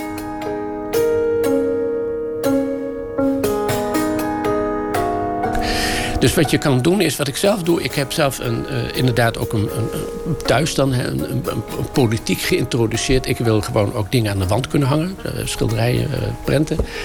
En dan, dan, dus er mogen geen broerkasten meer bij komen. Dus wat ik doe, ik heb bij een stapeltje bij de uitgang liggen, zou ik maar zeggen, bij de deur. En als mensen gegeten hebben of zo en ze gaan weg, dan moeten ze een boek meenemen. En de meeste mensen vinden dat leuk, want dat zijn natuurlijk onverwachte cadeautjes. En dat zijn ook, het is ook geen beschimmelde rommel, zal ik maar zeggen, want die heb ik niet in huis. En dan krijg je gewoon een cadeautje mee en denk je, oh leuk. En dan kom je thuis en denk je, god, waar moet ik dat weer laten? Dan moet ik zelf ook een boek wegdoen. Dat is, die verplaatst het probleem, kortom. Dat, is, eh, dat is een van de redenen waarom mensen ehm, eh, nu ook denken van... ja, het moet maar allemaal weg of zo. En eh, Want je wilt, niet, je wilt je kinderen niet aandoen of je wilt het je familie niet aandoen als je dat als je hele huis moet gaan uitruimen of zo. En dat er dan ook onoordeelkundig wordt gehandeld met die boeken. Hè? Want jij weet dan dat dit een leuk boek is voor iemand, maar dat, dat gaat dan teniet in die hele collectie natuurlijk. Dus, Ja, ik zie de container voor het huis al staan. ja, en dan, dan zijn er ook nog alternatieven. En er zijn er een paar van. Inderdaad, eh, je, kunt, eh, eh, je, kunt het via Marktplaats gaan verkopen. Maar dat kost je natuurlijk per boek wel vrij veel tijd. Hè? Je kunt een opkoper laten komen die alles meeneemt. Dan krijg je meestal te weinig geld ervoor. Als het al iets waard is. Hele boeken zijn ook gewoon niks meer waard. En, ehm, en je kunt, wat ik al zei, boeken achterlaten. Je kunt ze uitdelen. Er zijn allerlei varianten voor. En wat je in, in, in, in- in Amerika en Engeland heel veel ziet... zijn van die kleine bibliotheekjes en openbare plekken. Weet je wel, in rare ruimtes, oude telefooncellen... of gewoon een kastje dat iemand getimmerd heeft. Daar zet je een boek in en dan mag je een boek uithalen. Een soort openbare ruilplek. Zonder kosten, in weer en wind. Hè. Dus de conditie gaat er niet zo goed eh, op. eh, is niet zo goed voor de conditie, maar toch. Dat zijn allemaal mogelijkheden die als moderne ontzamelaar... want dat ben je dan eigenlijk aan het doen, eh, he- hebben. Maar ehm, ja, de, de- de echte diehard verzamelaar gaat natuurlijk gewoon door. hè.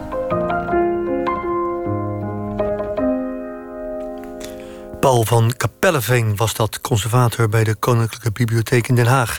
Zijn boek, de complete verzameling notities over het einde van boekencollecties, is een jubileumboek voor het Nederlands Genootschap van Bibliofielen.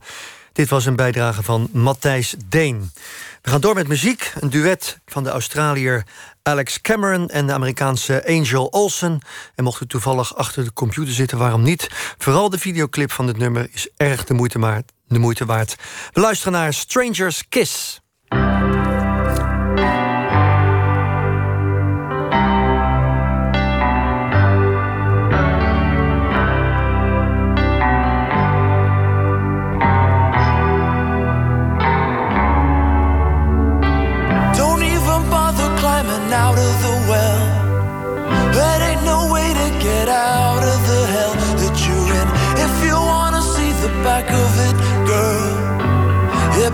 Start taking down with your pale of tin. I got shot on by an eagle, baby. Now I'm king of the neighborhood, and it feels like I could just peel the gym pants off a single mother. But this run of good luck don't got me feeling all that good, and it hurts, and it hurts. But I don't wanna talk about it,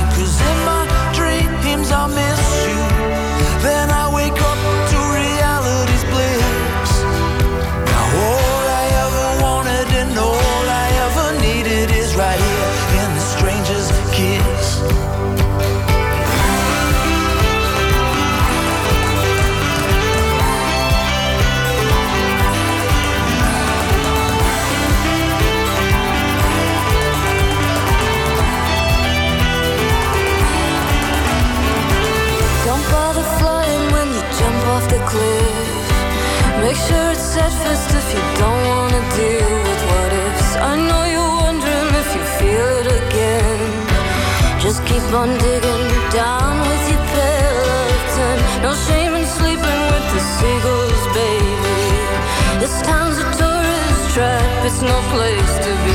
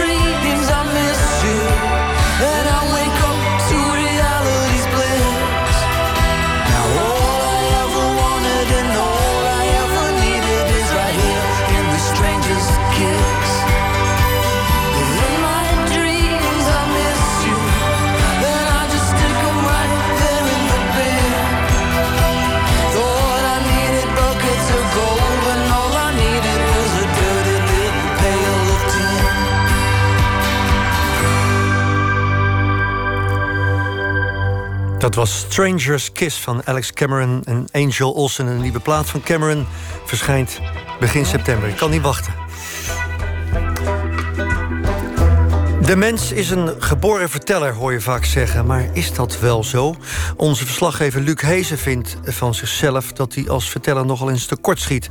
Voor het programma Radiodoc ging hij daarom op zoek naar het antwoord op de vraag... hoe vertel je een goed verhaal? Dat werd een driedelige documentaire die we deze week uitzenden. Vandaag het laatste deel. Wat kun je leren van politieke speeches? En als conclusie, Luc vertelt zelf zijn verhaal. In het laatste deel zet onze hoofdpersoon alles op alles om zijn zoektocht naar een goed verhaal te voltooien. Hoe vertel je een goed verhaal? Ik kan het niet en dus ga ik in deze reeks op zoek naar het antwoord op die vraag. In de vorige afleveringen ontdekte ik dat veel verhalen dezelfde structuur hebben. Je hebt de hoofdpersoon, het gedrag wat hij vertoont in een bepaalde setting met een bepaald doel. En ze krijgen hulp van andere mensen of, eh, of tegenwerking. Een van de oerelementen van een goed verhaal is dat er een wending in zit. En dat het verhaal een essentieel middel is om onszelf te begrijpen en onze identiteit te vormen. Iedereen maakt een verhaal om het leven draaglijk te maken. Je probeert eigenlijk heel erg jezelf als, als goed naar voren te brengen. Dat is geen labmiddel. Dat is een levende cultuur die telkens anders naar zichzelf kijkt. Wat nou als je het nog niet kan? Wat, wat moet je dan? Oefenen, oefenen, oefenen. Zoals je ook oefent uh, uh, voor de voetbal. In dit laatste deel moet ik eraan geloven. Ik ga zelf een verhaal vertellen. Maar eerst zoek ik nog wat inspiratie bij een groep voor wie verhalen van levensbelang zijn. Bij politici. Ik ga langs bij Huip Hudig, die als speechschrijver voor Mark Rutte en Piet Hein Donner werkte. En die het handboek Het Speechboekje schreef. De kunst van een goede politieke speech is dat hij eigenlijk de dynamiek van een verhaal volgt. Weinig politici konden dat beter dan Obama. Nog voor hij president werd, hield hij zijn veelgeprezen Fired Up, Ready to Go speech. Heel lang vertelt hij een verhaal dat hij in een, uh, in een kerkje is op een druilerige dag. Dat hij eigenlijk zich afvraagt, wat doe ik hier? En dat er dan een vrouwtje achter hem begint te roepen... fired up and ready to go. To a small building, a little field house in the park. We go inside and lo and behold, after an hour and a half drive... turns out there are 20 people there. As I go around the room, suddenly I hear this voice cry out behind me. Fired up! I jump up.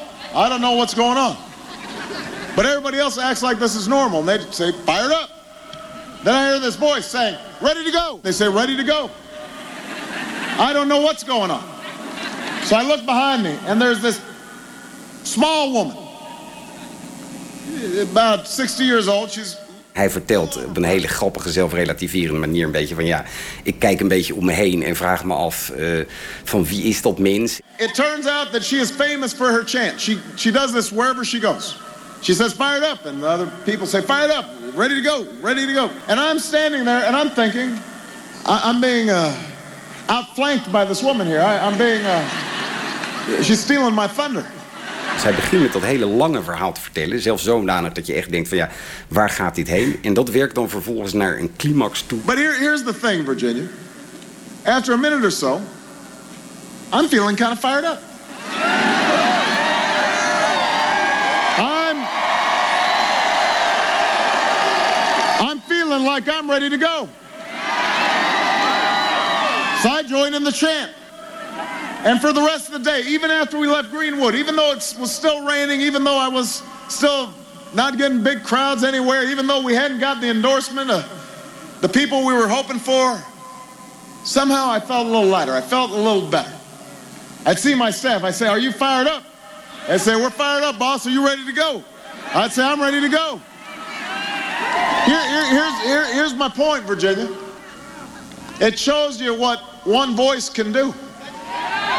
One voice can change a room. And if a voice can change a room, it can change a city.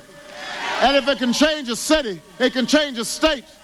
And if it can change a state, it can change a nation. And if it can change a nation, it can change the world. Virginia, your voice can change the world tomorrow. So I've just got one question for you, Virginia. Are you fired up? Are you ready to go? Fired up! Ready to go! Oké, dit komt absoluut binnen. Maar zelfs bij zo'n charismatische spreker als Obama zit er in mijn achterhoofd zo'n zeurderig, rationeel stemmetje. Het moeilijkste vind ik bij politieke speeches is dat je al heel snel denkt: ja, het, het zijn politici. Daar, met alle respect voor wat jij doet, maar daar heeft een speechschrijver aan zitten schrijven. En dat kan ook een nadeel zijn, juist. Ja, bedoel je daarmee te zeggen dat het dan net iets te... te- dat, dat, dat de luisteraar als het ware eventjes de magie achter de, Juist. de goochelact gaat zien? Eh, ja, uit onderzoek blijkt dat je eigenlijk eh, drie grote groepen hebt waar je op kan mikken. Dat zijn namelijk de eh, negatieve luisteraars, dus de mensen die in principe niet op je zullen stemmen. De neutrale luisteraars, dus die twijfelen bij wijze van spreken. En de positieve luisteraars. In het algemeen heeft het niet zoveel zin om je op de negatieve luisteraars te, ri- te richten. De kunst vooral van eh, de politieke speech is om die twijfelende spreker jouw kant eigenlijk op te krijgen. Ladies and gentlemen, Het is wel eens in dat verhaal van Trump, die, die announcement speech, wat, wat ja, voor vele maatstaven niet zo'n denderend verhaal was. Hij heeft daar zijn groep toch mee gemobiliseerd. when Mexico sends its people, they're not sending their best.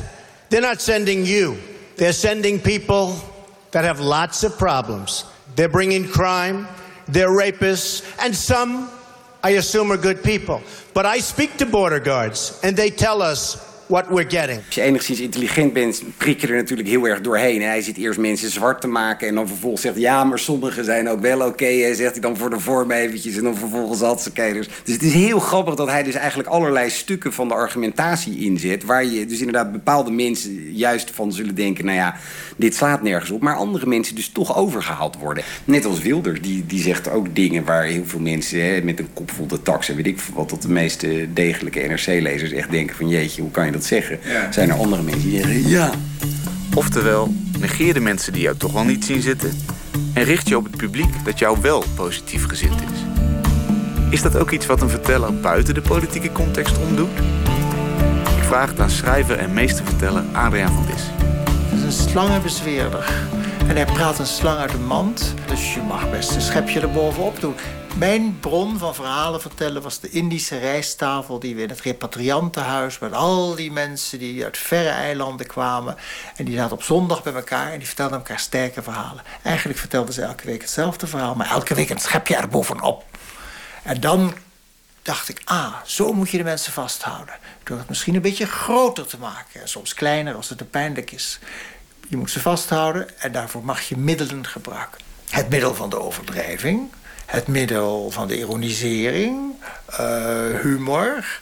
eh, inderdaad een stemverheffing. Het uitstellen van een bepaalde clue. Je zegt iets, je vertelt, je gaat, je zwijgt, je neemt een zijpad... en poem, komt dan plotseling een aap uit een mouw. Zet een verhalenverteller dan dezelfde middelen in als een acteur? Zodra je eh, met rechte rug en het, de imaginaire luisteraar in je hoofd een verhaal vertelt, krijg je natuurlijk al een mate van theatraliteit. Je gaat niet op het toneel staan en zeggen: Ja, ik ben maar een sukkel en ik weet eigenlijk niet hoe het moet en ik wil eigenlijk ook naar huis en het is wel heel erg warm, maar vooruit. Nee, daar win je er geen harten mee. Maar de oprechtheid is ook heel belangrijk, want je vertelt wel een verhaal dat in ieder geval een grote vorm van waarachtigheid moet overbrengen. Dat vraagt een zekere ja, panache, een zekere durf, eh, een zeker spel met woorden en ook een zekere ja, tovenarij. Voor ik zelf begin, keer ik nog even terug naar de tips van de beste vertelster van Nederland, Gerda Haverton. Vertellen met je eigen woorden. Zorgen dat je het verhaal goed kent. Want daar begint het mee. Mimiek.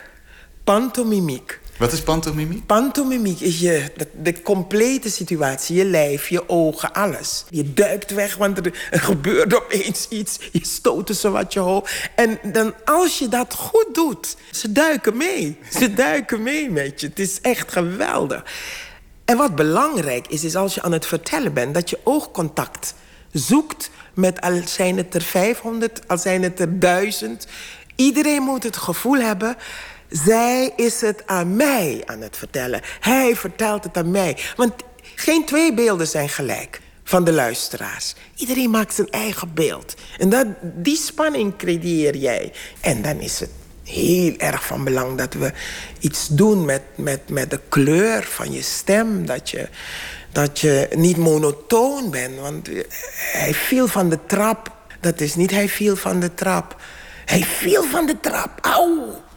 Weet je wel, die kinderen die hebben dan echt zoiets van... eh, en voor volwassenen, dan lag hij onderaan, onderaan de trap. Bewegingloos. Wat gaat er nu gebeuren? Kan hij opstaan? Hij beweegt niet. Oh, kijk. Er komt bloed. Zijn onderarm. Dat soort dingetjes, weet je wel. Oké, daar gaat hij. Het begint zo'n twintig jaar geleden. Een jochie dat vrolijk is, vrienden heeft en overal aan meedoet, maar toch een barrière voelt. Van binnen heeft hij de woorden, maar hij krijgt ze niet in de juiste volgorde naar buiten.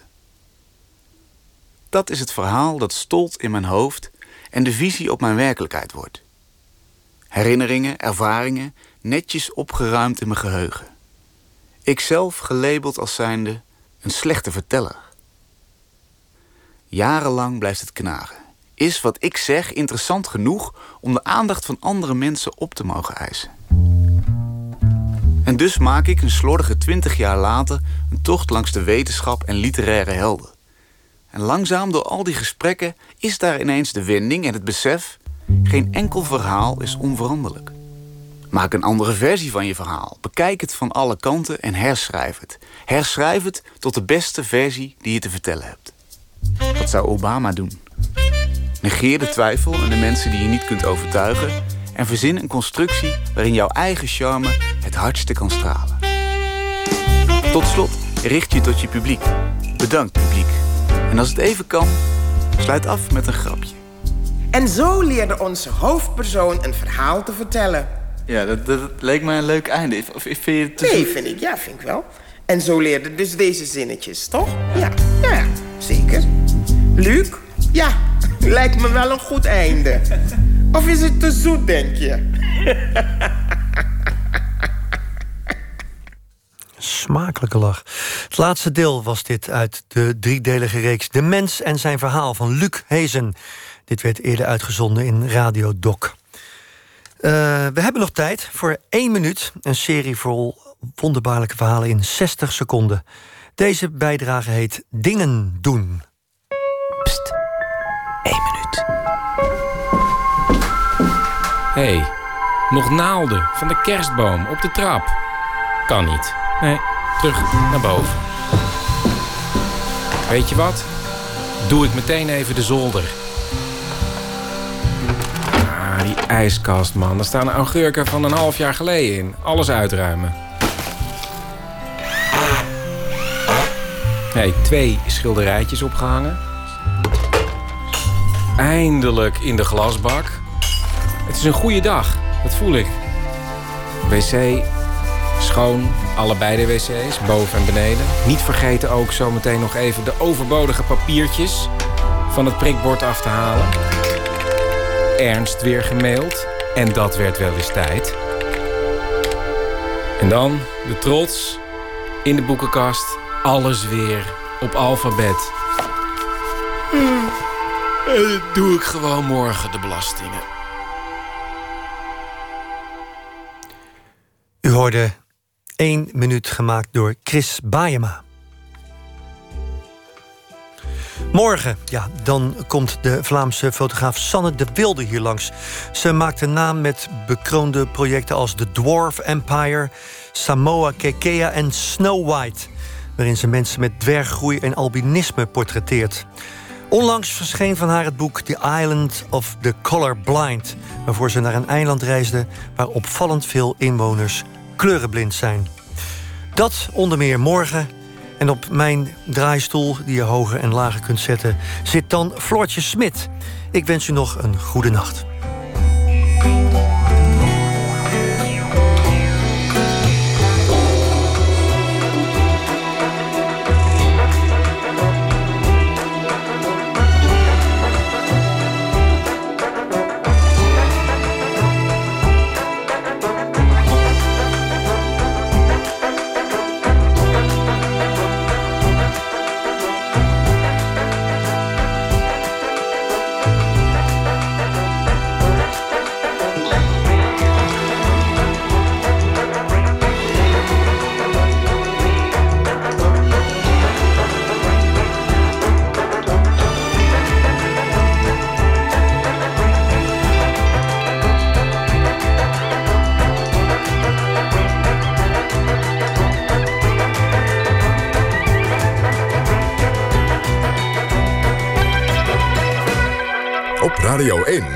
Nieuws van alle kanten.